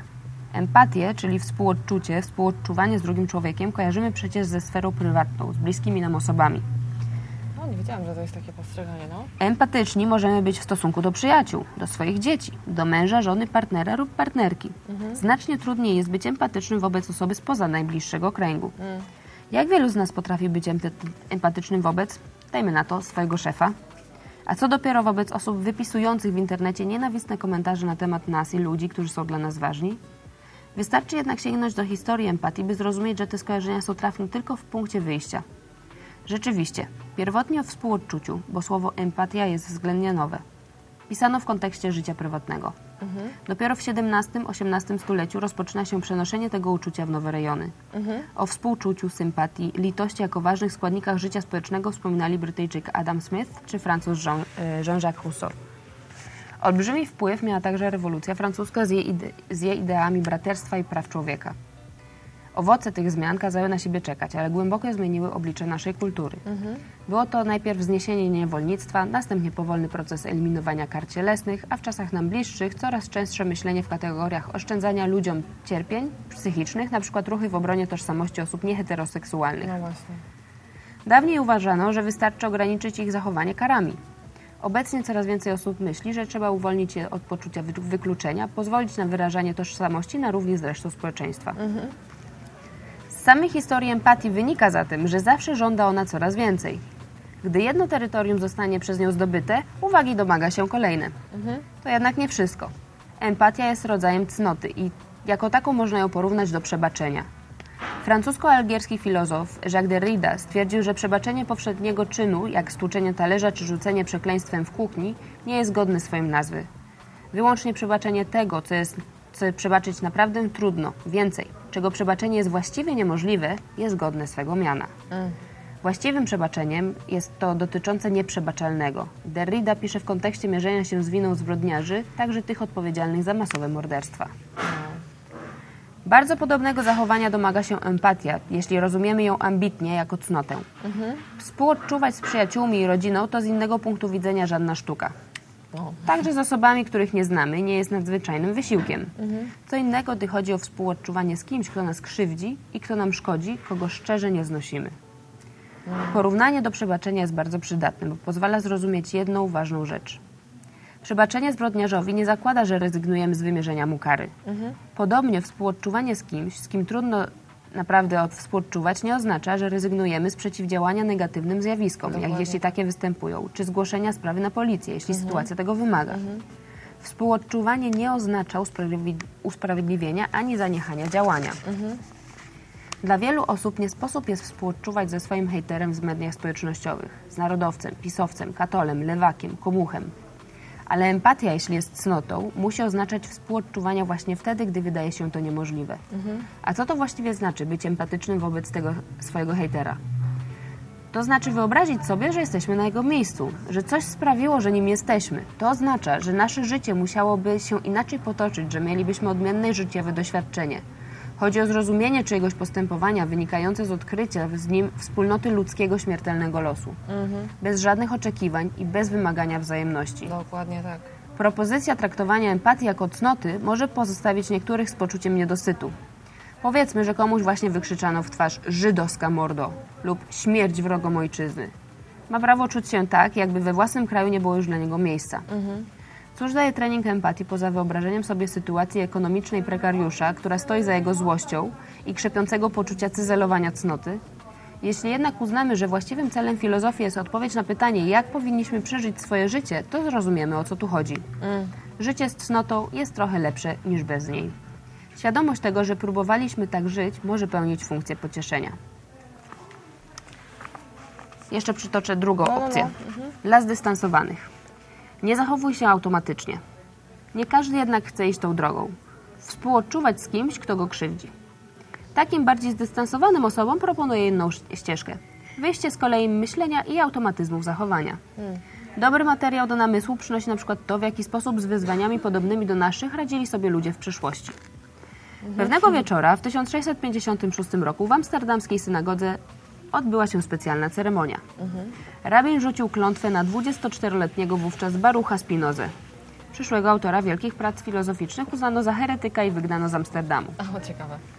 Do końca życia zabroniono mu kontaktów z rodziną i gminą żydowską, skonfiskowano także jego majątek. To wydarzenie miało olbrzymie konsekwencje dla Spinozy, zapewne skróciło mu życie. Umarł 20 lat później, prawdopodobnie na chorobę płuc, jakiej nabawił się szlifując dla zarobku soczewki i wdychając przy tym szklany pył. To jednak nie wszystko. Swoją działalność filozoficzną Spinoza poświęcił próbie zrozumienia tego, co się stało. Sam wyzbywając się nienawiści, starał się zrozumieć, jakie są jej źródła. Pisał głównie o nienawiści religijnej, ale interesował się również każdym innym jej rodzajem. Miał nad czym myśleć. Jego przypadek nie był odosobniony. Ekskomunika była wówczas częstym zjawiskiem tak we wspólnotach chrześcijańskich, jak i w gminach żydowskich. W judaizmie no, nosi nazwę ona herem. Nienawiść, pisał filozof, zawsze jest wzajemna, ponieważ ludzie widząc, że ktoś żywi wobec nich jakieś uczucie, uczucie odpłacają mu tym samym. Filozofia Spinozy może być kluczem dla tych, którym nie odpowiadają wyśrubowane, y, wyśrubowane moralne oczekiwania dla wymagających, czyli cnota. Nie trzeba współodczuwać z nienawidzącymi, ale można zaakceptować to, że są i będą wokół nas. Zamiast załamywać ręce nad tym, że świat nie jest taki, jaki być powinien, można próbować go przyjąć. Ale uwaga, nie jest to zadanie łatwe. Nasz obraz świata składa się ze skrzętnie zebranych i ułożonych w misterną całość myśli, sądów i przekonań. Próbując dociec prawdy, nierzadko musimy zmieniać dawno ustalone kolejne myślenia i podważać nasze automatyczne zachowania, a to bywa nieprzyjemne. Oj tak. Na przykład, gdy przyglądamy się sobie i dostrzegamy, że nienawiść nie jest obca również nam samym. Pozwólmy przez chwilę poprowadzić się Spinozie. Według niego emocje pow- powstają na zasadzie naśladownictwa i wzajemności. Jeśli zatem przyjaciel okazuje mi sympatię, cieszę się i odczuwam to samo. Jeśli natomiast mam do czynienia z człowiekiem, który mnie nienawidzi, również będę go nienawidzić. Dzieje się to automatycznie, najczęściej bezrefleksyjnie, co stanowi poważny problem, bo właściwie skąd ta pewność, że mój przyjaciel odczuwa sympatię, a mój wróg nienawiść? Skąd wiemy, że wiemy, jakie są emocje innych ludzi? Prawda jest taka, że nie mamy żadnej pewności. Dysponujemy jedynie interpretacjami. Widzimy grymasy, gesty, czytamy lub słyszymy słowa i reagujemy, zanim wyciągniemy na tej podstawie wnioski. W wypowiedziach hejterów można odczytać nienawiść. Stąd samo ich określenie pochodzące od angielskiego słowa hate. Ale czy mamy stuprocentową pewność, że nie jest inaczej? A może te słowa są sygnałem czyjejś bezsilności, osobistego nieszczęścia, albo są wynikiem pragnienia, aby spełnić oczekiwania osób trzecich, o których nie mamy pojęcia? Nigdy nie wiesz, kto jest czym, czego więźniem. Dokładnie tak. Bitch face niektórych osób. Nigdy nie wiemy, o, czy ta osoba o czymś nie myśli w tym momencie i dlaczego ma To wcale nie jest bitch face, to, to- po to jest po prostu zastygła buzia, nie? Dokładnie Ale tak. już jest jakby przypis, nie? Że na pewno jest coś złego. tak i że jest nieprzyjemna. Zatrzymajmy się na chwilę nad tą ostatnią możliwością, czyli y, spełnić oczekiwania osób trzecich, o których nie mamy pojęcia. Spinoza przekonuje, że tak właśnie wyglądają korzenie nienawiści religijnej. Powstaje ona, gdy ludzie uważają, że jakaś rzecz, na przykład Kościół lub Bóg, jest dobra i dążą do niej. Jeśli wyobrażają sobie Boga jako podobnego do siebie i uważają, że kocha ich z wzajemnością, to muszą znienawidzić tych, którzy się od tego Boga odwracają. To, co dawniej było nienawiścią religijną, dziś panuje między spierającymi się ze sobą ideologicznymi stronnictwami. W społeczeństwach Okej, bo jakby to jest, to jest pomylenie tego, że, e, że przeciwnością miłości jest nienawiść, a nie obojętność. Tak. Nie, dokładnie. Tak. W społeczeństwach, czyli nie, że patrzysz obojętnie, w sensie mija to przy to, tylko Tak. że od razu musisz mieć Musisz inne mieć e, uczucie silne, tak samo silny silne, wektor, nie? gdzie nienawiść nie jest przeciwieństwem miłości jest. jedynym. Właściwie w, w ogóle nie jest przeciwieństwem miłości, jest kolejną emocją o tak samo wy, wysokim, wysokiej amplitudzie. Znaczy, gdyby się miała na jakiejś, jakiejś kole układać, to byłoby po przeciwległej stronie niż miłość zapewne, ale Tak. to nie znaczy, że to jest jedyna emocja sprze- e, e, przeciwna do miłości. Jakby ona, je, jakby Jest nie na- nienawiść resetuje miłość Dokładnie, tak dokładnie Mhm. tak. Jakby tak samo, ja- to jest, Zobaczmy- chemii chyba jest coś takiego, że, że jak masz e, kwas, na, co się zasadami, no, jakby obojęt, zobojętnia się kwasy, nie? Nie, do, nie dodaje się, ob, tak jak masz magnes w fizyce, nie? Że jakby Nie, znam się na chemii. Nie umiem. Nie, nie odpowiem bo tak mi się wydaje, że kiedyś jak w, w działaniach chemicznych, jak, jak się na przykład chciało zniwelować działanie jakie, jakiejś substancji, to się zalewało ją zasadą, czyli oboje, zobojętniało się ją. Zresztą co najbardziej nas boli tak naprawdę w momencie, kiedy nawet tekst czystego, z czystego yy, naszego doświadczenia, Mhm. co najbardziej nas boli w momencie, kiedy osoba, którą kochamy, Mhm.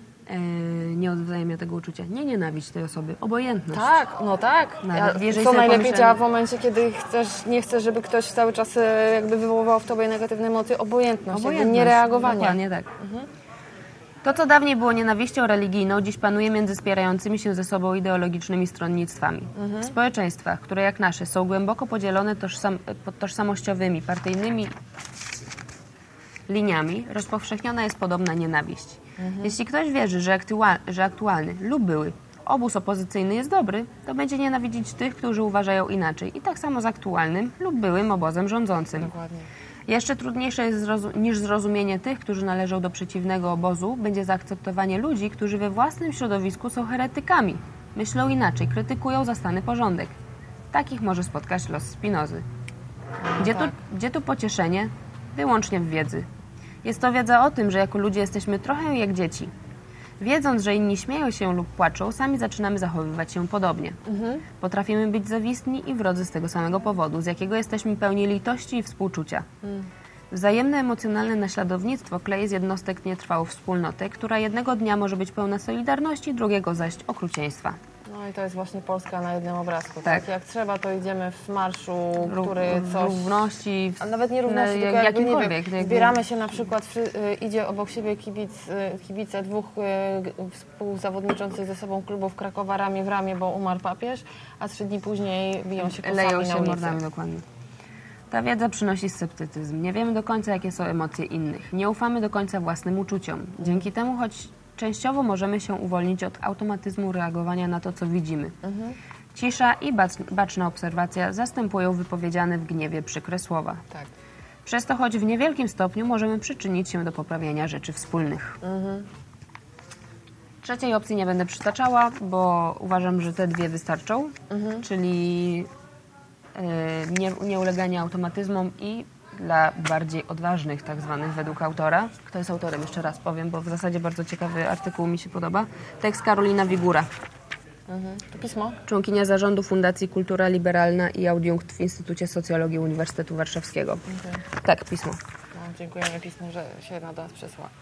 No powiem Że Ci... my, myślę, że to jest bardzo ładne podsumowanie do tych dwóch poprzednich artykułów. Tak, tak, tak, tak. tak. I fajnie, że nie jest tylko wypunktowaniem, bo to jest tak, tak, tak i tak, Mhm. tylko daje y, wskazówki, czyli co my możemy zrobić, pod którą z dwóch opcji możemy się podpiąć, żeby Mhm. Tak. Mhm. ewentualnie pracować nad sobą, bo w zasadzie wszystko się zaczyna od siebie, No tak. żeby móc dawać dla siebie, samemu sobie coraz lepszy ogląd No. Mhm. na sytuację, z coraz jakby szerzej z, y, y, rozciągniętym horyzontem Mhm.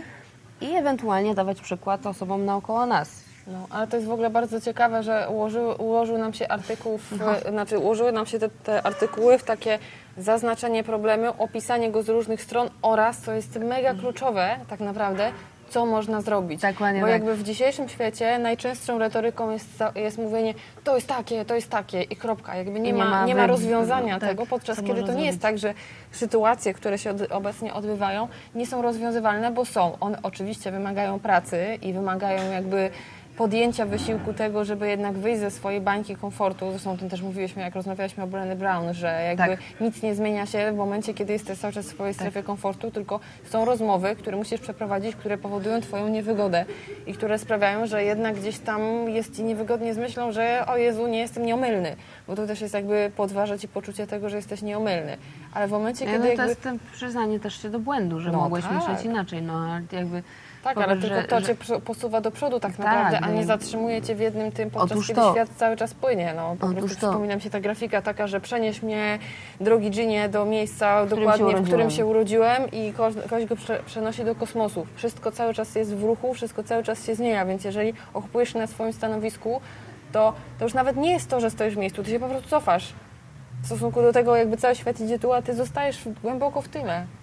No, dlatego y, nic innego, jak możemy zacząć po prostu od siebie w kontekście myślenia empatycznie, y, odważnie, więc książka Brené Brown też jest bardzo y, mocnym punktem do polecenia. na Tej ten publikacje temat. i Tak. Netflixowe wystąpienie. Jeżeli jeszcze nie mieliście okazji obejrzeć, to możecie o nim posłuchać u nas, możecie obejrzeć na Netflixie, możecie przeczytać jej książkę, bo też bardzo z ładnie kilku. zahacza, tak, zahacza o te tematy.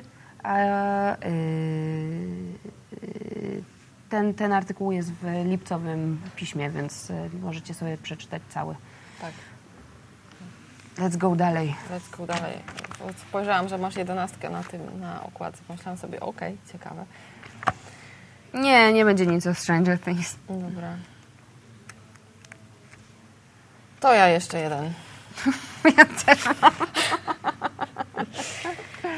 Uwaga, znowu będziemy się wkurzać. Jeżeli seks bez, bez, bez zgody żony to gwałt, to zakupy bez zgody męża to rabunek. Wypowiedź Pudzianowskiego to skandal. To skandal. Tutaj się mocno niesie, bo jesteśmy w miejscu, Dobra. gdzie jest scena ustawiona i słyszą na, nasze artykuły wszyscy. To dobrze. Gwałt tak to jedno nie. z najokrutniejszych przestępstw. Mimo to wielu osobom nie przeszkadza żartowanie z tego czynu. W tym wypadku chodzi nie o granicę poczucia humoru, ale o zwykłą przyzwoitość. Mariusz Pudzianowski coraz częściej wychodzi ze swojej sportowej bańki i zaczyna wypowiadać się na różne tematy społeczne. Ostatnio poszedł w ślady Zofii Klepackiej i zasłynął z ostrych komentarzy na temat społeczności LGBT. W programie Andrzeja Kostyry na YouTube powiedział, jestem tolerancyjny dla tych ludzi, ale... Nie lubię, nie akceptuję obnoszenia się ze wszystkim. Faktycznie, no bo jak para idzie na ulicy, para heteroseksualna, to nie jest obnoszenie się oczywiste. To tylko jak para gejów idzie, to się obnoszą. Mi to nie przeszkadza, ale gdy obok mnie metr ode mnie dwóch panów będzie się obściskiwało, czy buzi sobie dawało, to powiem brutalnie wypierdalaj. No Gratulujemy kultury. się. właśnie. W weekend postanowił zażartować gwałtu. Połączenie słów żart i gwałt jest czymś niepojętym. Haha, bo się rymują. No chyba Tak, ale jak widać nie dla Pudzianowskiego. Jeżeli seks bez zgo- zgody żony to gwałt, to zakupy bez zgody męża to rabunek. To jak tam z tym jest, panowie i panie? Brzmiał wpis na Facebooku sportowca. No ja generalnie chciałam powiedzieć, że jeżeli ktoś takie rzeczy mówi i tak tłumaczy, to właśnie się przedstawił i właśnie powiedział, jak zachowuje się względem kobiet. To jest takie mrożące. Można... To, jest mrożące, bo to jest tłumaczenie sobie tego, że przecież y, wymuszenie stosunku seksualnego nie jest gwałtem. Nie, no, na Pudzianowskiego spadła lawyna krytyki, bardzo słusznie. Wiele osób napisało pod postem sportowca, że straciło do niego szacunek i że jako osoba publiczna powinien szczególnie uważać na to, co mówi. Po kilku godzinach i wielu komentarzach Pudzianowski uzupełnił swój pis, napisał trochę dystansu z żartem. To jest moje ulubione. Jeżeli mój tekst się nie sprawdził, to poudaję, że to był żart.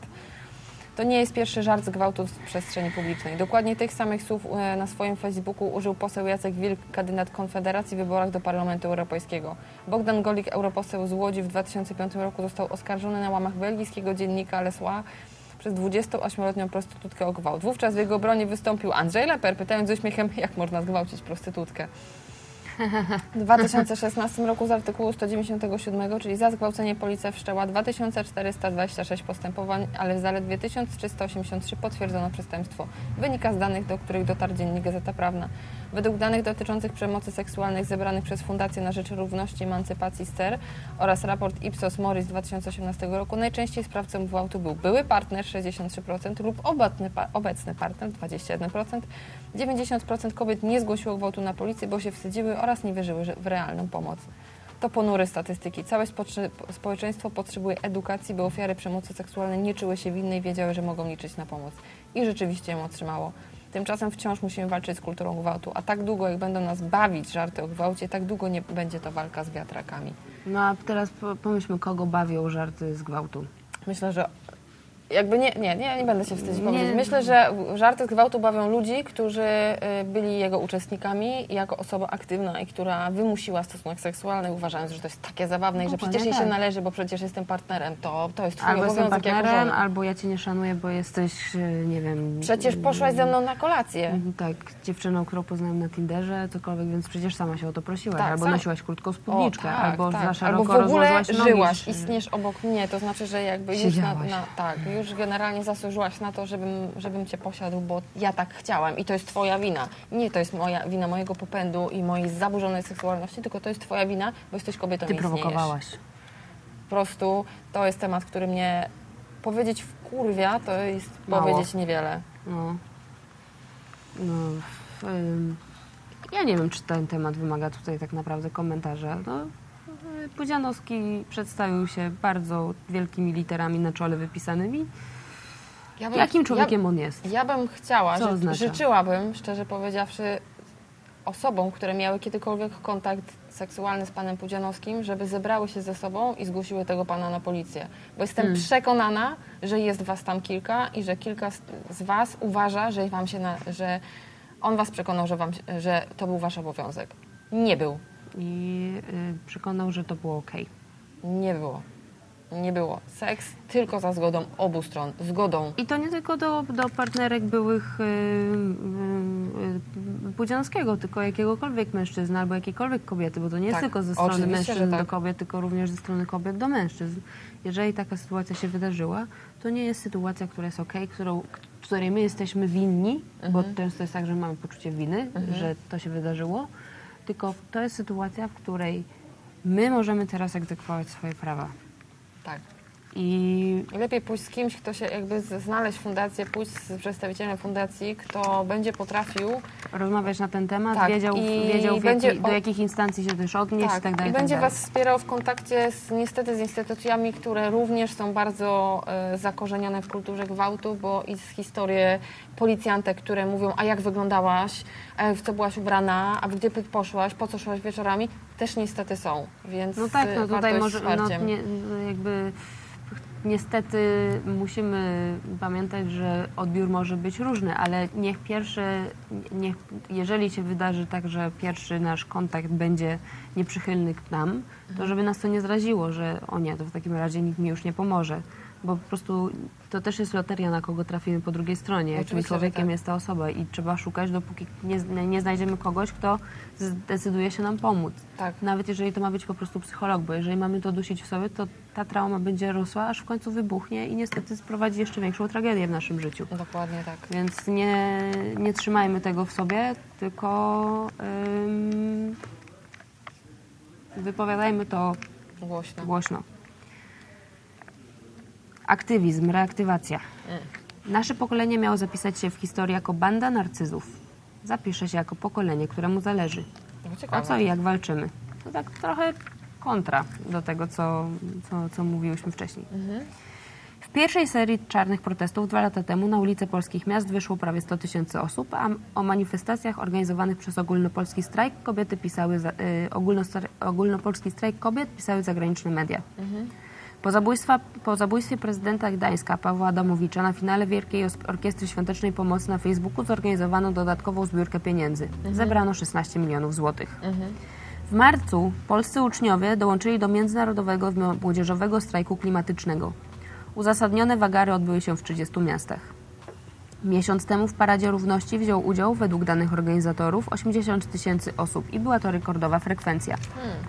Po internetowej akcji Pije bez słomki, w której partycypowały także gwiazdy i influencerzy, z wielu barów i restauracji usunięto plastikowe słomki.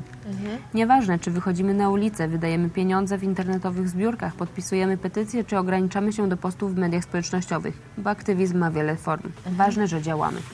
No, to prawda. Społecznikostwo z dobrobytu. Możemy sobie pozwolić na bycie aktywistami. Głównym powodem różnic w wyznawanych wartościach są inne modele socjalizacyjne, czyli sposoby, w jakie przedstawiciele kolejnych pokoleń byli wychowywani.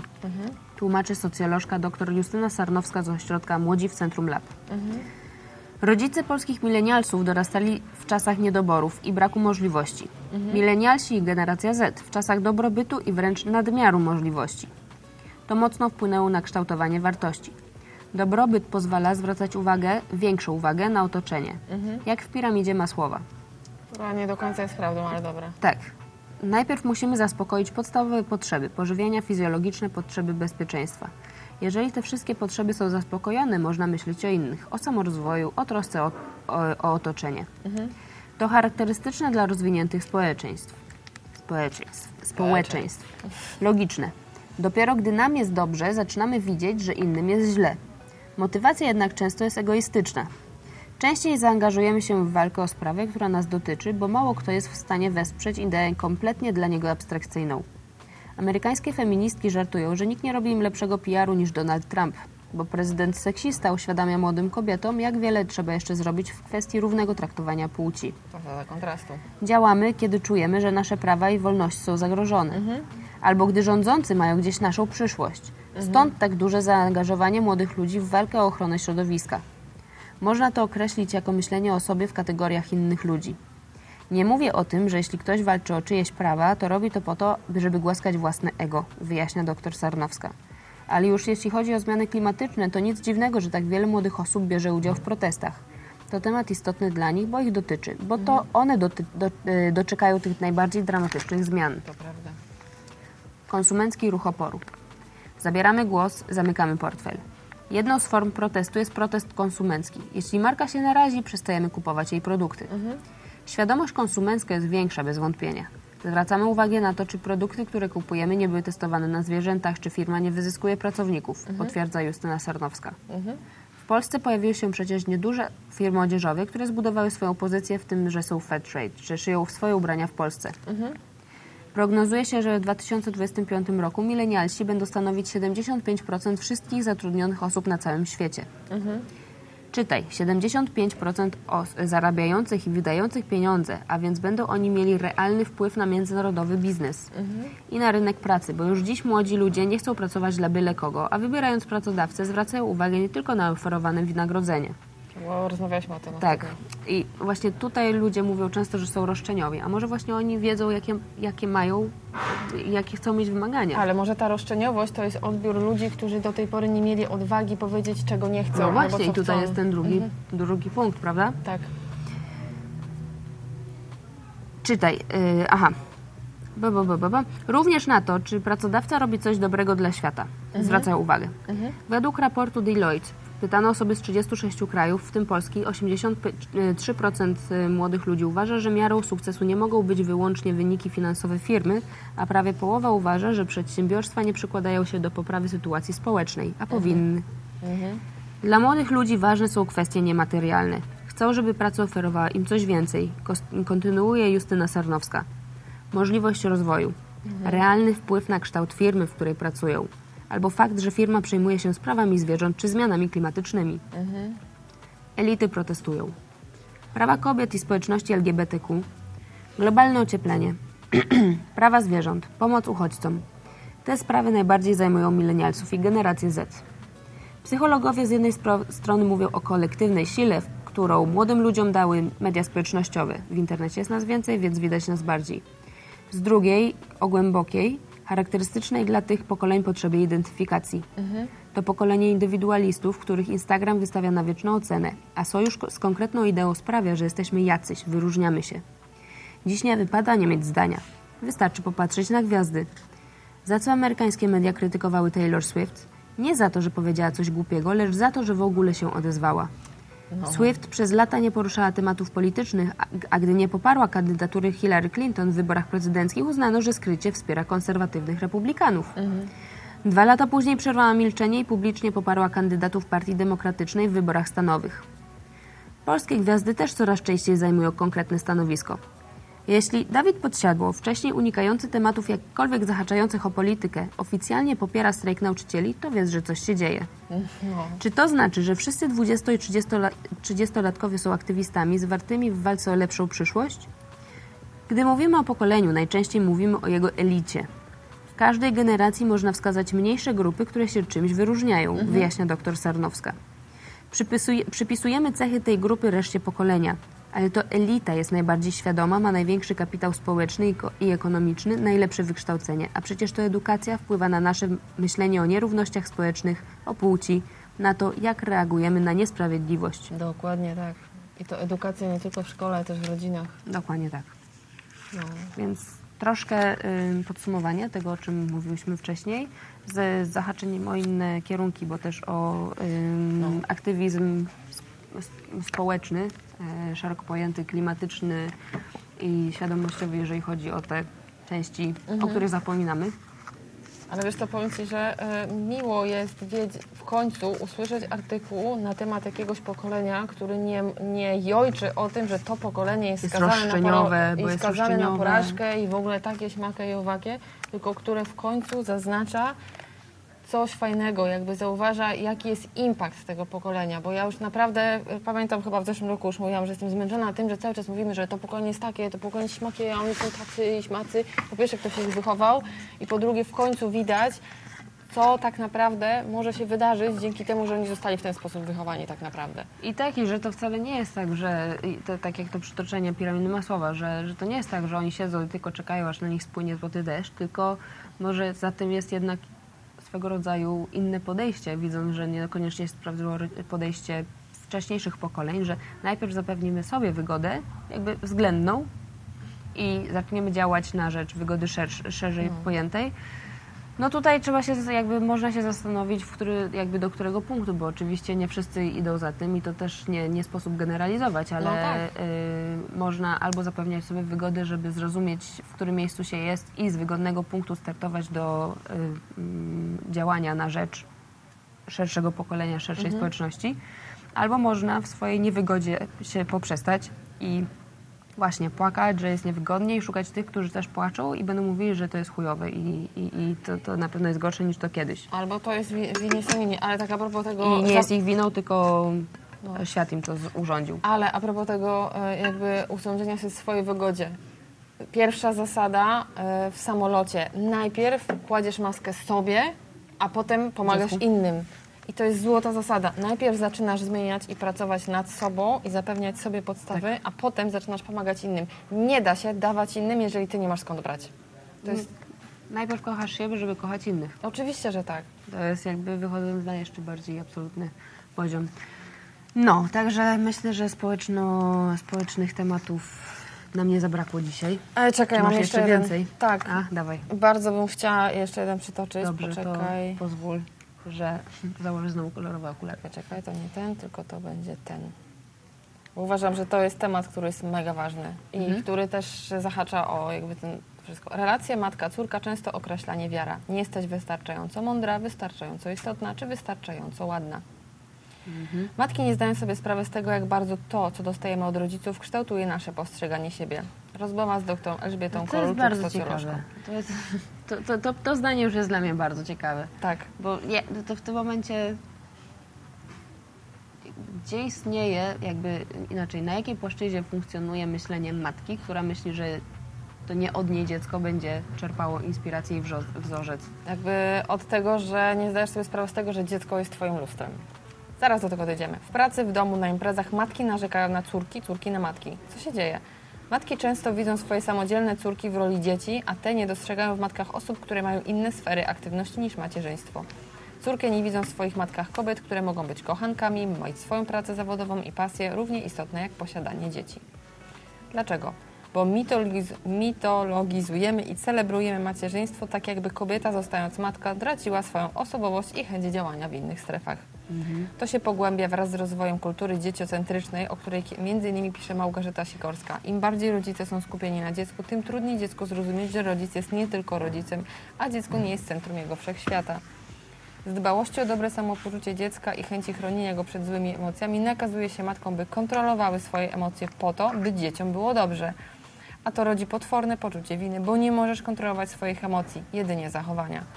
Takie myślenie może też skutkować oczekiwaniem dziecka, że nawet jako dorosłe będzie emocjonalnie obsługiwane przez rodziców.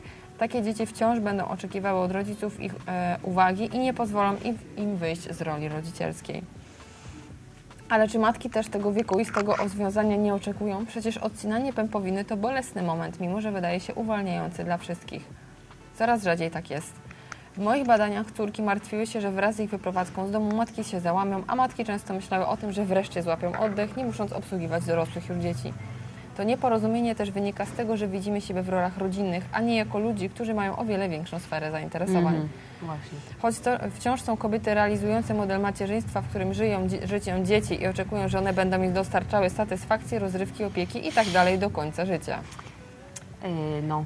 Tak, to jest model matki Polki oparty na cierpiętnictwie i poświęceniu, w którym ukryta jest przemoc. Oto ja poświęciłam się dla Ciebie i ten dług, jaki u mnie zaciągnęłaś, będę odbierać przez całą resztę mojego życia. Ten model musi odejść, żeby matki dogadały się z córkami, a córki z matkami. Znam kobiety, które mają swoje pasje, przyjaciół, a mimo to odcinanie pępowiny skończyło się na antydepresantach. Bo to zamknięcie etapu młodości. Kobiety mają czasem poczucie, że rozstają się z częścią siebie. Rola matki daje im poczucie więzi, przekonanie, że robisz dobrą rzecz, że jesteś potrzebna i kiedy nagle to tracisz, możesz cierpieć.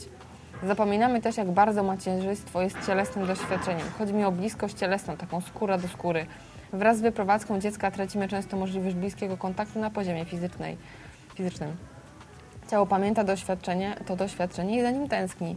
Kiedy przyjeżdżałam jako dorosła osoba do mamy, to ona miziała mnie po plecach, dotykała przelotem, co było powrotem do kontaktu fizycznego w relacji matka-dziecko. Obie tego potrzebowałyśmy. Przekonanie, że skoro cię urodziłam, to musisz mi się odwdzięczyć, dotyczy matek i córek, czy w ogóle dzieci. W dużej mierze kobiet, bo po pierwsze ojcowie w wychowaniu dzieci są mniej obecni, a po drugie córki są przysposobione do bycia opiekunami. To wynika z wizji kobiecości będącej synonimem opieki i macierzyństwa jako nie tyle bezwarunkowego daru, ile pożyczki, czegoś, co trzeba odrobić w swoim życiu. Czytała Pani wywiad z wicedyrektorem Muzeum Sztuki Nowoczesnej, który zdecydował, że rzuca robotę, by zająć się starymi rodzicami? Tak, fajna opowieść. Na mnie to też zrobiło wrażenie, ale zdałam sobie sprawę, że gdyby to dotyczyło córki, nie byłoby większego zainteresowania. Trudno mi sobie wyobrazić taki sam szum wokół mojej koleżanki, której ojciec ma Alzheimera, a matka także potrzebuje opieki. To, że ona ledwo żyje pracując po nocach, nie jest traktowane przez otoczenie jako coś wyjątkowego i godnego podziwu. Raczej dostaje po głowie, bo nie ogarnia. A kiedy facet to robi, to dzi- podziw, szok i niedowierzanie, że tak można. Ten podział odzwierciedlają badania, według których nieodpłatna praca kobiet w domu jest normą kulturową uniwersalną, obejmującą zarówno mężczyzn, jak i kobiety i głęboko uwewn- uwewnętrznioną. W takim układzie kobiety pracujące zawodowo co prawda zapewniają sobie lepszy status, ale mają podwójny etat i koniec końców cierpią na chroniczne przemęczenie, nadmiar obowiązków i brak czasu dla siebie. Czy w relacjach matka-córka nie da się uciec od, od, uciec od zobowiązań? Nie zawsze trzeba. Charakter wzajemnych oczekiwań zależy od rodzaju rodzinnych relacji, a te mogą być różne. W swojej książce z amerykańską bad- badaczką Miller Day dzielę je na splątane i powiązanie. Na czym polega różnica między nimi? Splątane relacje rozwijają się pod dyktawą oczekiwań matki. Zwykle masz być miła, potem wyjść za mąż i wychować dzieci, najlepiej w ścisłej relacji z matką. Ten typ oparty jest na specyficznym systemie przekazywania i ukrywania informacji w obrębie rodziny, w zależności od tego, kto jest z kim bardziej związany, kto w danej chwili jest po czyjej stronie. W tym modelu często funkcjonują w rodzinie sekrety, o których wiedzę mają tylko nieliczni, którzy tłumaczą milczenie chęcią chronienia innych osób. Ważną cechą relacji splątanych jest duże zaangażowanie emocjonalne uczestniczek w połączeniu ze sztywną hierarchią, co prowadzi zwykle do dużego poziomu napięcia. Władza sprawowana jest częścią w sposób pośredni, np. za użyciem szantażu emocjonalnego, w ramach którego jedna z osób, często matka lub babka, uzależnia wyrażanie pozytywnych uczuć, takich jak aprobata czy okazywanie miłości, a także udzielenie konkretnej pomocy, np. opieka nad dzieckiem, od spełnienia określonych warunków. Toksyczne na pewno są przemocowe, skoro opierają się na nienegocjowalnej hierarchii, ale często kobiety czują się bardzo mocno ze sobą związane, mocno się kochają. A na jakich oczekiwaniach opierają się relacje powiązane? Tu nie ma sztywnych oczekiwań. Matki dostosowują się do decyzji córek, chcą, by znalazły swoją drogę. Ich oczekiwania dotyczą zazwyczaj potrzeby kontaktu i bliskości, tego, żeby córki były z nimi od czasu do czasu spędziły weekend. To jest rodzaj podążania za życiem dzieci, ale z zachowaniem własnej odrębności i potrzeb. W relacjach powiązanych dominuje otwarta komunikacja oraz zgoda na różnicowanie i zmianę, co z kolei umożliwia bliskość bez konieczności narzucania określonych poglądów czy stylów życia. Takich związkach indywidualne poczucie wartości nie musi być nieustannie potwierdzane przez innych, nie zależy bowiem ono w zasadniczy sposób od ich oceny. Matka nie tylko kocha i akceptuje, ale też zachęca i aktywnie wspiera, szanując przy tym wyznaczone przez córkę granice. Wymienione typy relacji różni też podejście do zmian, zarówno na poziomie pokoleniowym, jak i indywidualnym. Wyjaśni Pani te różnice? W rodzinach, w których dominują więzi splątane babki czy matki zwykle negatywnie reagują na odmienny styl życia, np. wychowywania dzieci, sposób ich żywienia oraz sprawowania nad nimi opieki. To, że kolejne nie e, pokolenie nie powiela wzorców poprzedniego, ale wprowadza nowe, odbierane jest jako zanegowanie wartości wiedzy i doświadczeń matek, a często krytyka ich samych. Natomiast w relacjach powiązanych opartych na równowadze i otwartości matki chętnie uczą się od swoich córek, oczekują, iż będą one lepsze od nich w wielu dziedzinach i czują się dumne, gdy tak się dzieje. Chętnie dzielą się wiedzą, ale też modyfikują sposoby po, e, postępowania. Mm. W relacjach matka-córka tematem tabu jest seksualność. Czy zetknęła się Pani z rodzajem obrzydzenia wobec starzejących się ciał? Ciało matki jest czymś bardzo ambiwalentnym. Kultura wymaga od kobiet, abyśmy były matkami, ale nie możemy wyglądać jak matki. Czyli ciało, które zmienia się po ciąży i nosi na sobie znaki czasu i doświadczenia jest czymś niedopuszczalnym. Znam dzieci, które brzydzą się ciałami swoich matek. To lęk przed śmiercią. Przed tym, że się zmieniamy i czeka nas przyszłość, która jest mniej atrakcyjna niż to, czego dziś doświadczamy. Dziewczynom wydaje się, że młodość można zachować na zawsze i matczyna cielesność jest dla nich podwójnie niebezpieczna, bo jest zagarniająca, bo myśmy wyszły z tej matki, ale nie chcemy być nią, a jednocześnie przypominamy o tym, że się starzejemy i umieramy.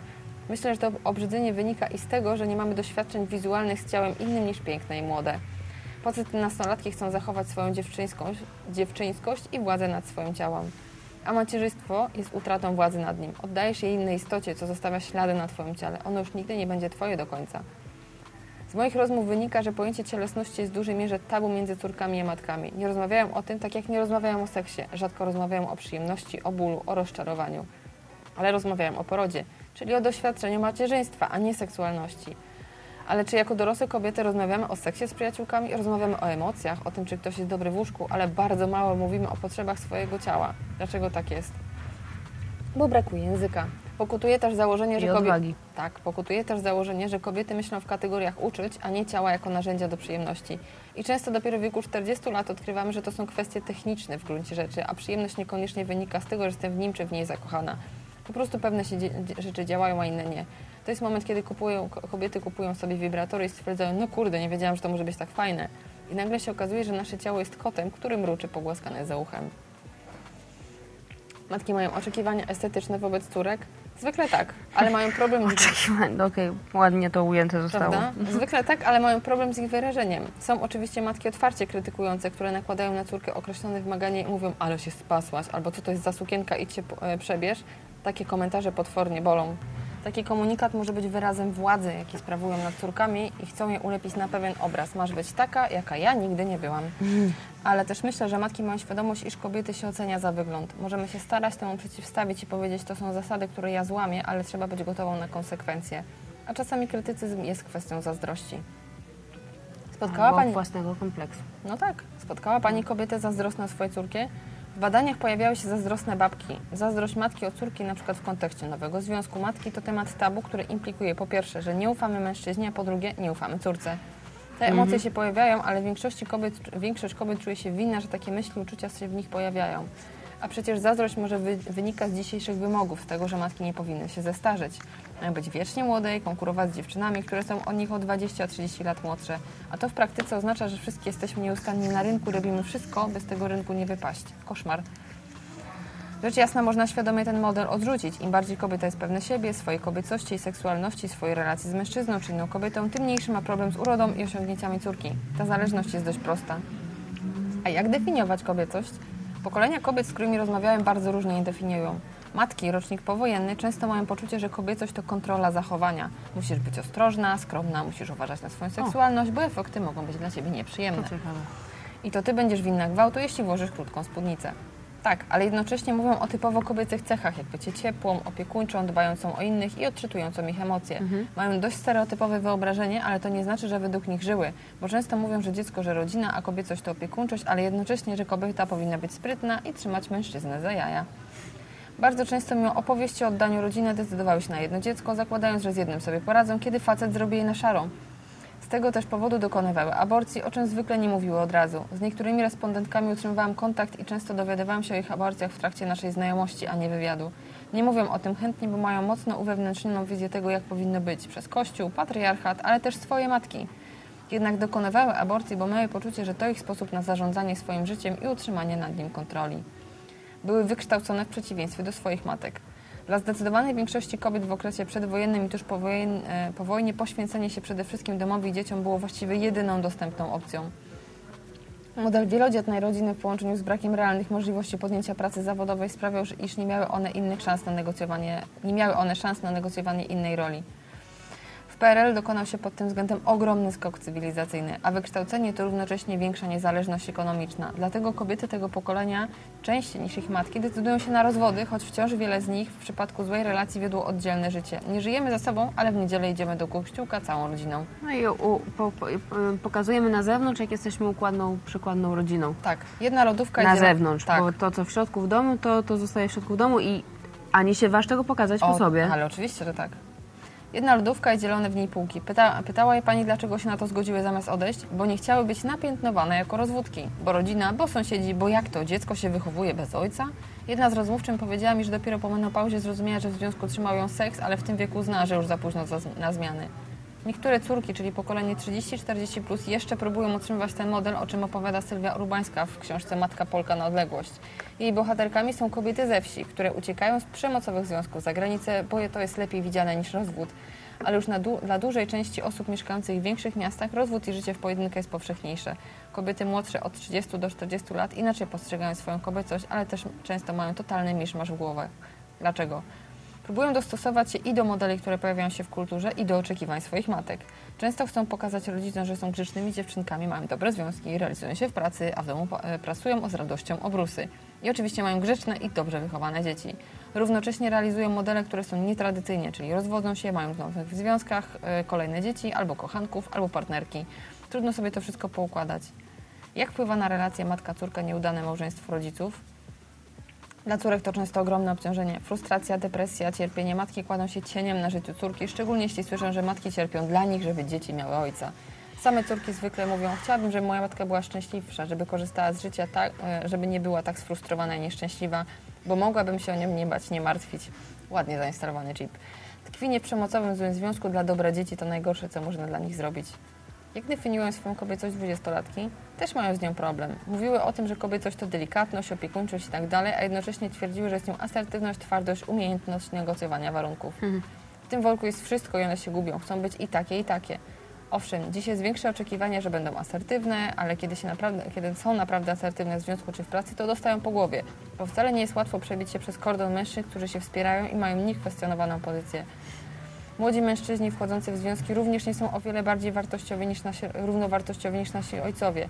Wykonują coraz więcej czynności domowej, ale zwykle nie biorą odpowiedzialności za całość funkcjonowania domu. I to powoduje potworny kryzys, kiedy pojawiają się dzieci. Czyta Pani książkę o znamiennym tytule Zgorzkniała pizda? Nie. To książka Szwedki, która żyje w równościowym społeczeństwie z fajnym facetem, ale kiedy pojawia się dziecko, to nagle on ma swoje sprawy, które musi realizować, bo w przeciwnym razie straci swoją wielką szansę. I nagle bohat nasza bohaterka znajduje się w sytuacji, w której nigdy nie chciała być. Staje się zgorzkniałą pizdą, która mu codziennie wypomina, a dlaczego nie zrobiłeś zakupów, a czy zadzwonić do przedszkola i tak dalej. Z partnerstwa zostaje namiastka. Ona jest nadzorczynią swojego partnera, a on ma poczucie, że osoba, z którą żyje, staje się zupełnie inną, okropną osobą. Lauren Groff, amerykańska pisarka, podpisała przed ślubem kontrakt z partnerem, w którym precyzyjnie określi, kto i jak będzie zajmował się dziećmi i domem. I twierdzi, że to działa. Wspaniałe, ale w Polsce myślenie kontraktowe jest z kosmosu. Często mówię dziewczynom, jeśli nie wynegocjujecie tych wszystkich kwestii przed małżeństwem czy wspólnym zamieszkaniem, a już na pewno przed pojawieniem się dziecka, to umarł w butach. I żadnego robienia herbatek na początku związku, bo ja go tak przecież strasznie kocham, a zrobienie herbatki nic nie kosztuje. Nie rób tego dziewczyno, bo, bo potem przez całe życie będziesz robiła te pieprzone herbatki. Chcesz czy nie, bo to już będzie utrwalonym systemem funkcjonowania w waszym małym rodzinnym układzie. No i to są dalej te, te chipy, które potem sobie w związkach instalujemy oboje. Kim według rozmówczyń jest dobra matka? W dzisiejszej kulturze to wciąż matka, która zaopiekuje się najpierw dziećmi, potem wnukami, a następnie zniknie z horyzontu i niczego od nikogo nie będzie żądała. To jest kolejny temat, o którym się nie mówi. Oczekiwania, aby matki pełniły funkcję opiekuńczą wobec e, wnuków czy osób chorych, nawet gdy nie mają już siły zdrowia. Czemu się na tą godzą? A jaką mają alternatywę? Pożyczę ci kasę na opiekunkę. Starsze kobiety, czyli te 60 plus, są na ogół biedne. Wcale nie ma rozwiniętej sieci przyjaciół, ponieważ całe życie spędzały głównie z rodziną. Nie ma alternatywnego pomysłu na swoje życie. Na uniwersytetach trzeciego wieku, owszem, są wspaniałe, aktywne kobiety, ale w całej Polsce ich jest kilka tysięcy. Znaczy w relacjach matka-córka, dobra matka to nie kobieta spełniona, niekoniecznie zajmująca się wnukami. Jedna z młodych kobiet powiedziała mi, chciałabym, aby moja matka była po prostu szczęśliwsza, bo ja, ja się o nią martwię. Czuję się obarczona jej żalem i jej problemami, jej zgorzkniami. Doskonale to rozumiem. Potwierdza to opinię wyrażoną przez Adrienne Rich, której zdaniem najlepszym dziedzictwem dla kolejnych po, pokoleń kobiet jest poczucie spełnienia, jakiego mogą doznać ich matki. Jednak spełnienie to wymaga zmian nie tylko na poziomie indywidualnym, ale też na poziomie całego systemu społecznego, w którym kobiety wciąż mają mniejsze szanse na pogodzenie życia prywatnego z zawodowym oraz mniejsze możliwości osiągnięcia sukcesów na ostatnim polu. Bo jak nie ma żłobka ani pieniędzy na opiekunkę, to zostaje tylko babcia. Twierdzi Pani, że przebudowanie patriarchalnego modelu rodziny zależy od przebudowania fundamentów relacji matka-córka? Patriarchat istnieje dzięki wsparciu kobiet. to często one wpychały swoje córki w kolejne role, oczekiwania i wyobrażenia dotyczącego, co jest dobre i właściwe. I w tej relacji tkwi największy potencjał wzmacniania kobiet, emancypacji, budowania nowych relacji płci. Ale tu też tkwi pułapka, że znowu myślimy o kolejnym obowiązku, który kobiety mają wobec córkę córek. One mają dbać, przebudowywać, myśleć perspektywicznie, rozpoznawać emocje, ale to jest w naszym interesie. Tak, tylko bym chciała, by możliwie najpełniej włączało się w to całe społeczeństwo, także mężczyźni, a tymczasem niewielu z nich czuje, że jakie to ma znaczenie i jest emocjonalnie gotowych do takich podróży.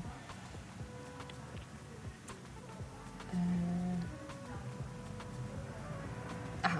Pokolenia kobiet, które pani badała, e, przekazywały córkom rady, że mają być wobec swoich mężczyzn sprytne, a spryt powodowo sp- sprawał, sprowadzał się do dozowania seksu. O, Czy młode dziewczyny przyjmują tę gadaninę swoich babek?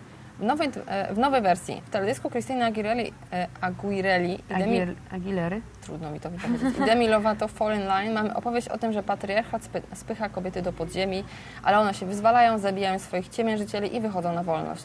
Feministyczny przekaz, tylko że przy okazji mają napompowane usta, a spod ich koszul wylewają się biusty.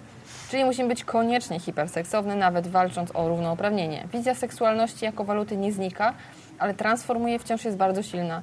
Młode kobiety są dziś uczone przez kulturę popularność, że seksualność jest ich bronią, że mogą jej używać przy okazji dla przyjemności, ale w dużej mierze chodzi o to, że relacja z mężczyzną to matry, mer, merkantylna, to jest trudne słowo, wymiana. My mamy do zaofer- zaoferowania coś, czego nie chcą i musimy im zrobić nasz, i musimy ich zrobić na szaro za pomocą tych narzędzi, które mamy. Czy tu jest miejsce na równość? Nie ma. To jest Bez- wyobrażenie relacji jako walki i strategii, a nie rozmowy namysłu nad emocjami partnera. On ma pieniądze, ty masz seksualność i fajny biust. Czyli musiało się mnóstwo zmienić, żeby pewne rzeczy zostały po staremu. Tak, a jak tego nie zrobisz, to nie pójdę z tobą do łóżka. Tak odnośnie tego ostatniego wobec mężczyzn. tak. E, Okej, długi artykuł. Ale E, bardzo potrzebny moim zdaniem. No i też jakby, dobra, b, prawda. b, s- s- skupienie, skupienie było na jednym, na, głównie na jednym z, z tych nurtów albo sposobów, może nie sposobów, e, dróg macierzyństwa, relacji matka-córka, ale było zaznaczona tam ta druga strona, e, nie ta, w której córka wykonuje, e, żyje tak, żeby e, spełniać oczekiwania matek. I to jest ciekawe, bo my nawet same między sobą reprezentujemy zupełnie dwa różne y, y, dwa, dwie różne relacje między córka, matka-córka. Tak, to prawda. I, I mamy właśnie punkty widzenia na te, na, na, na tutaj za, do, Jezu, nie jestem w stanie się wys, wysłowić, to naprawdę jest długie nagranie. E, więc mamy po, p, patrzenie na oba te punkty widzenia, bo też między sobą rozmawiamy nie tylko przed kamerą, ale też na co dzień. Więc to jest ciekawe.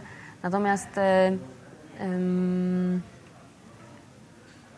odnośnie samego macierzyństwa, ja mam, ja mam wrażenie, że tutaj jakby na sam początek my obecnie powinniśmy e, też biorąc pod uwagę to, co było wcześniej mówione o generacji, w jakiej żyjemy. Tak. E, to jest trochę też ta walka generacji. Generacji, która cały czas robiła pro bono na coś, na coś, na coś, dawała, mimo że sama nie miała, Tak. a teraz generacji, która najpierw sobie zapewnia, a potem ewentualnie będzie dawała dalej. Tak. I walka tych dwóch generacji powoduje to niezrozumienie, czyli że ty jesteś, niewystar- jakby, ty jesteś niewystarczająca, ty się o mnie nie troszczysz, ty mnie nie kochasz i tak dalej, tak dalej. Próba wygenerowania w drugiej osobie poczucia winy e, z żalem, mówi ona, że, że jest ten wyrzut, że ta osoba się nie zachowuje tak, jak my sobie wymyśliliśmy, że będzie się zachowywać, czy to mama, Tak. czy to ojciec. Tak, tak, Jakby, tak, tak, czy tak. Dziadkowie, Tak. jak kto, ktokolwiek. A z drugiej strony jest, że ty mnie nie rozumiesz, ty mi się nie dajesz rozwinąć, y, ty mi nie, po, po, ty mi nie pozwalasz roz, rozwijać się po mojej myśli, tylko ja muszę robić twoje, jakby to, co ty mi narzucasz. Przecież ja jestem odrębną jednostką, daj mi myśleć, wychowałaś mnie na odrębną jednostkę, dbałaś o to, żebym Tak, myślała, i ale jak nie i myślę jedna jak i ty, druga jest strona, źle. Mhm. Jedna i druga strona ma rację w pewnym sensie, ale ta racja z, moim, z mojego punktu widzenia sprowadza się tylko i, do, i wyłącznie do tego, że to jest racja dla schematu, który ta osoba ma. Oczywiście, Bo, mhm. bo cała reszta polega na rozmowie, że y, jeżeli się nie uzmysłowi swojego punktu widzenia tej drugiej osobie i nie spróbuje zrozumieć tego pierwszego punktu widzenia, to się nie dojdzie do konsensusu. Jakby to jest zasada konsensusu, no kurde.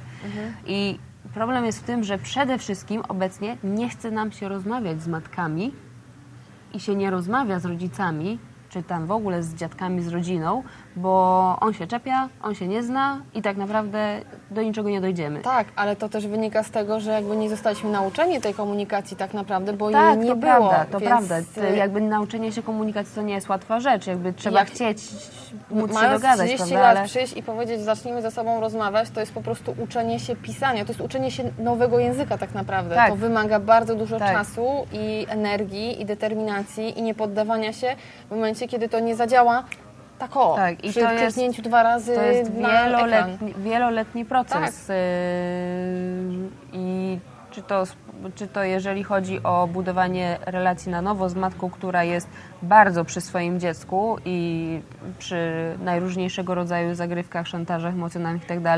z tym dzieckiem w tej relacji tkwi, czy to w budowaniu relacji z matką, z którą się nigdy nie było w relacji, bo Mhm. matka była w pewien sposób nieobecna albo się jej obecność jakoś pomijało w swoim życiu, bo, Tak. bo się yy, uznawało, że inne rzeczy są istotniejsze. I oba typy tej relacji to jest piekielnie ciężka, wymagająca i odważna praca, żeby dojść do punktu, w którym staje się przed mamą i się czuje jej partnerem obecnie w życiu. Nie córką, nie cór, córką też jak najbardziej, ale partnerem do rozmowy, a nie do wykonywania obowiązków. Tak, ale to trzeba samemu siebie, samemu siebie osadzić i nabrać Dlatego- siły, Dlatego mówię, która... że to jest praca wieloletnia. Tak, i nabrać siły na to, że e, w momencie no, początkowych konfrontacji, bo początkowo to nie będą rozmowy, to będą Tak, konfrontacje, zniesie się ze spokojem e, bunt drugiej strony, który będzie Ale i ty z- będziesz się buntowała i matka się będzie buntowała, tak, tak, każda tak, strona tylko, się że, będzie Tak, buntowała. tylko że ktoś musi zacząć. No Ktoś tak, musi to przyjść prawda. i zacząć.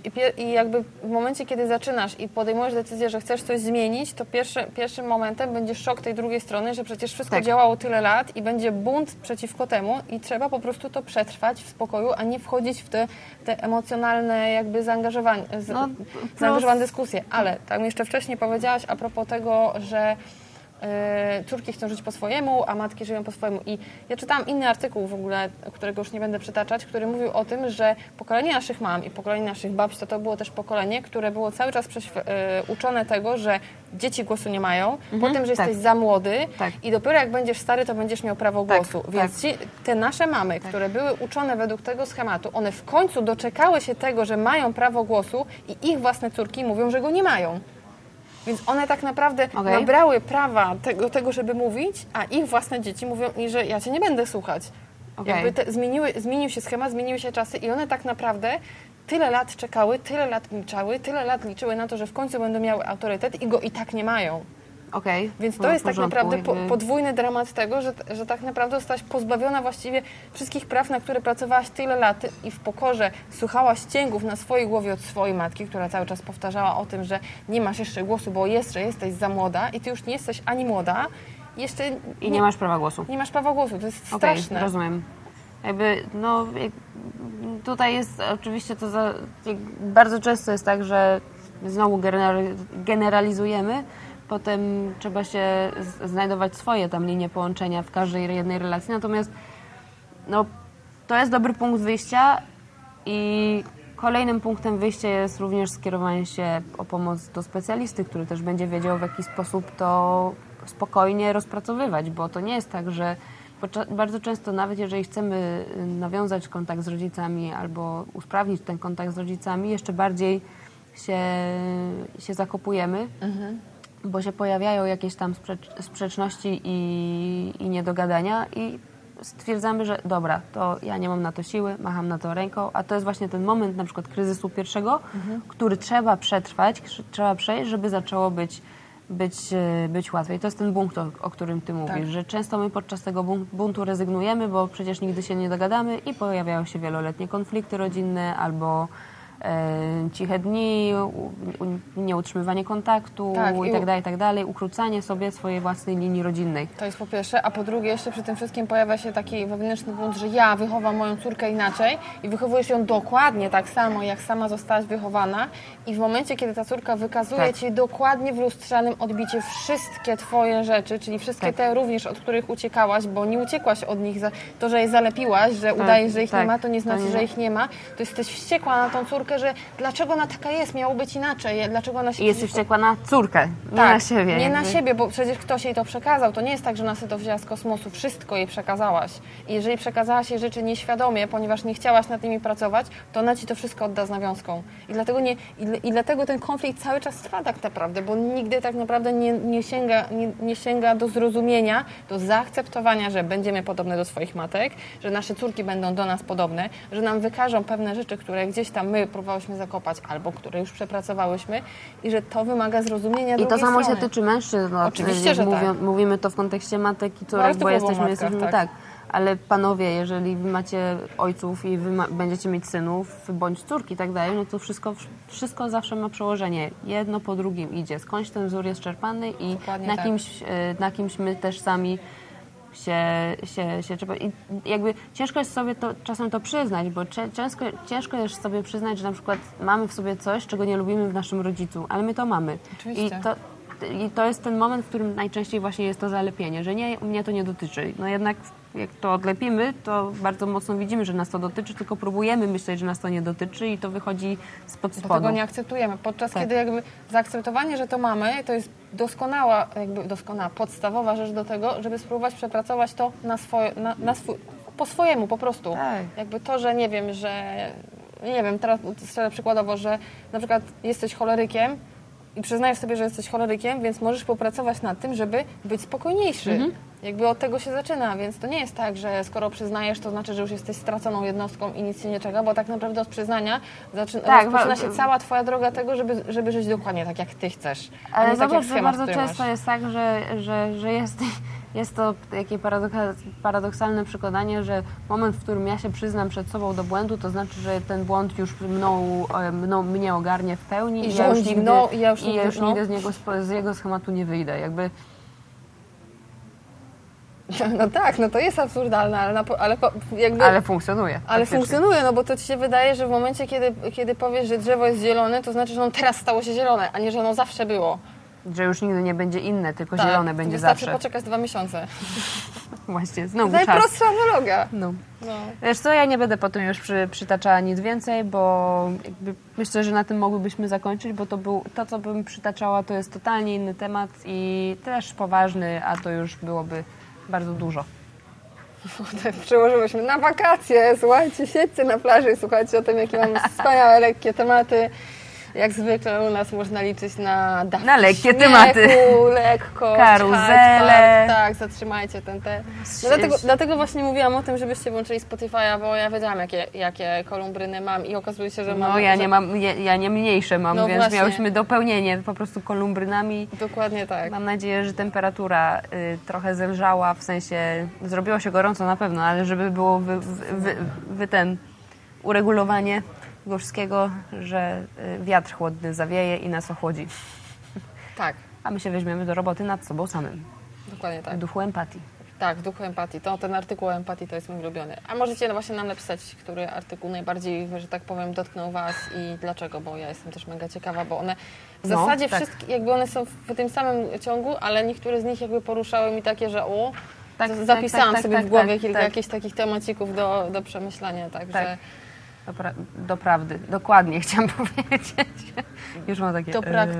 No, eee, trochę długo trwało. Chyba z półtorej godziny będzie. Także No, także oddajemy głos do studia, a tymczasem za chwilę będzie znać, pogoda. Do, daj, dajcie znać, kto dotrwał do końca. To Właśnie. Nie, ten, kto dotrwał do końca, Jakieś- niech to, ja- czekaj, niech napisze... Flawonoidy. Niech najpierw flawonoidy. Nie, nie, nie, bo potem jak ludzie widzą komentarz, to piszą bezmyślnie czasem komentarz, bo, bo może coś tam Ale było. to ja mam pomysł. Nie, na sam to, koniec komentarza za kropkami, jak żeby ktoś kliknął do czytaj więcej, to wtedy niech się pojawi flawonoidy. Żeby Dobra. ktoś skomentował artykuł, na samym końcu niech będzie flawonoidy. flawonoidy, dobrze. Wiecie, to są flawonoidy? Jak nie wiecie, to napiszcie. Ja wiem. Eril też musi wiedzieć, jeżeli podała to słowo jako przykład da, dania, da, dania hasła odcinka, kto dotrwał do samego końca dwóch godzin. Czy Tak. to podcastu, czy to, czy to odcinka. Tak. No, a tak to e, jeszcze raz przypomnijmy na sam koniec, że jeżeli ktoś to słuchał, to może to też oglądać na YouTubie, może nas subskrybować, można nas obejrzeć na Instagramie naszym erilkowym, kajkowym i boskim. Można wejść do nas na Facebooka na, e, między boskimi. Grupę naszą zamkniętą też również i w ogóle cudownie, że jesteście i do zobaczenia w kolejnym przeglądzie i odcinku i w ogóle. myśli. O. gdzieś o, tam. mogłabym się teraz zatytułować, że boski przegląd myśli i temat feminizm. To jest ładne nawet. Nie no, bo to jest przegląd Wiem, prasy. no, ale Przeglądy myśli mamy co tydzień. No właśnie o to chodzi, żeby zrobić taki, wiesz, taki nagłówek, nie?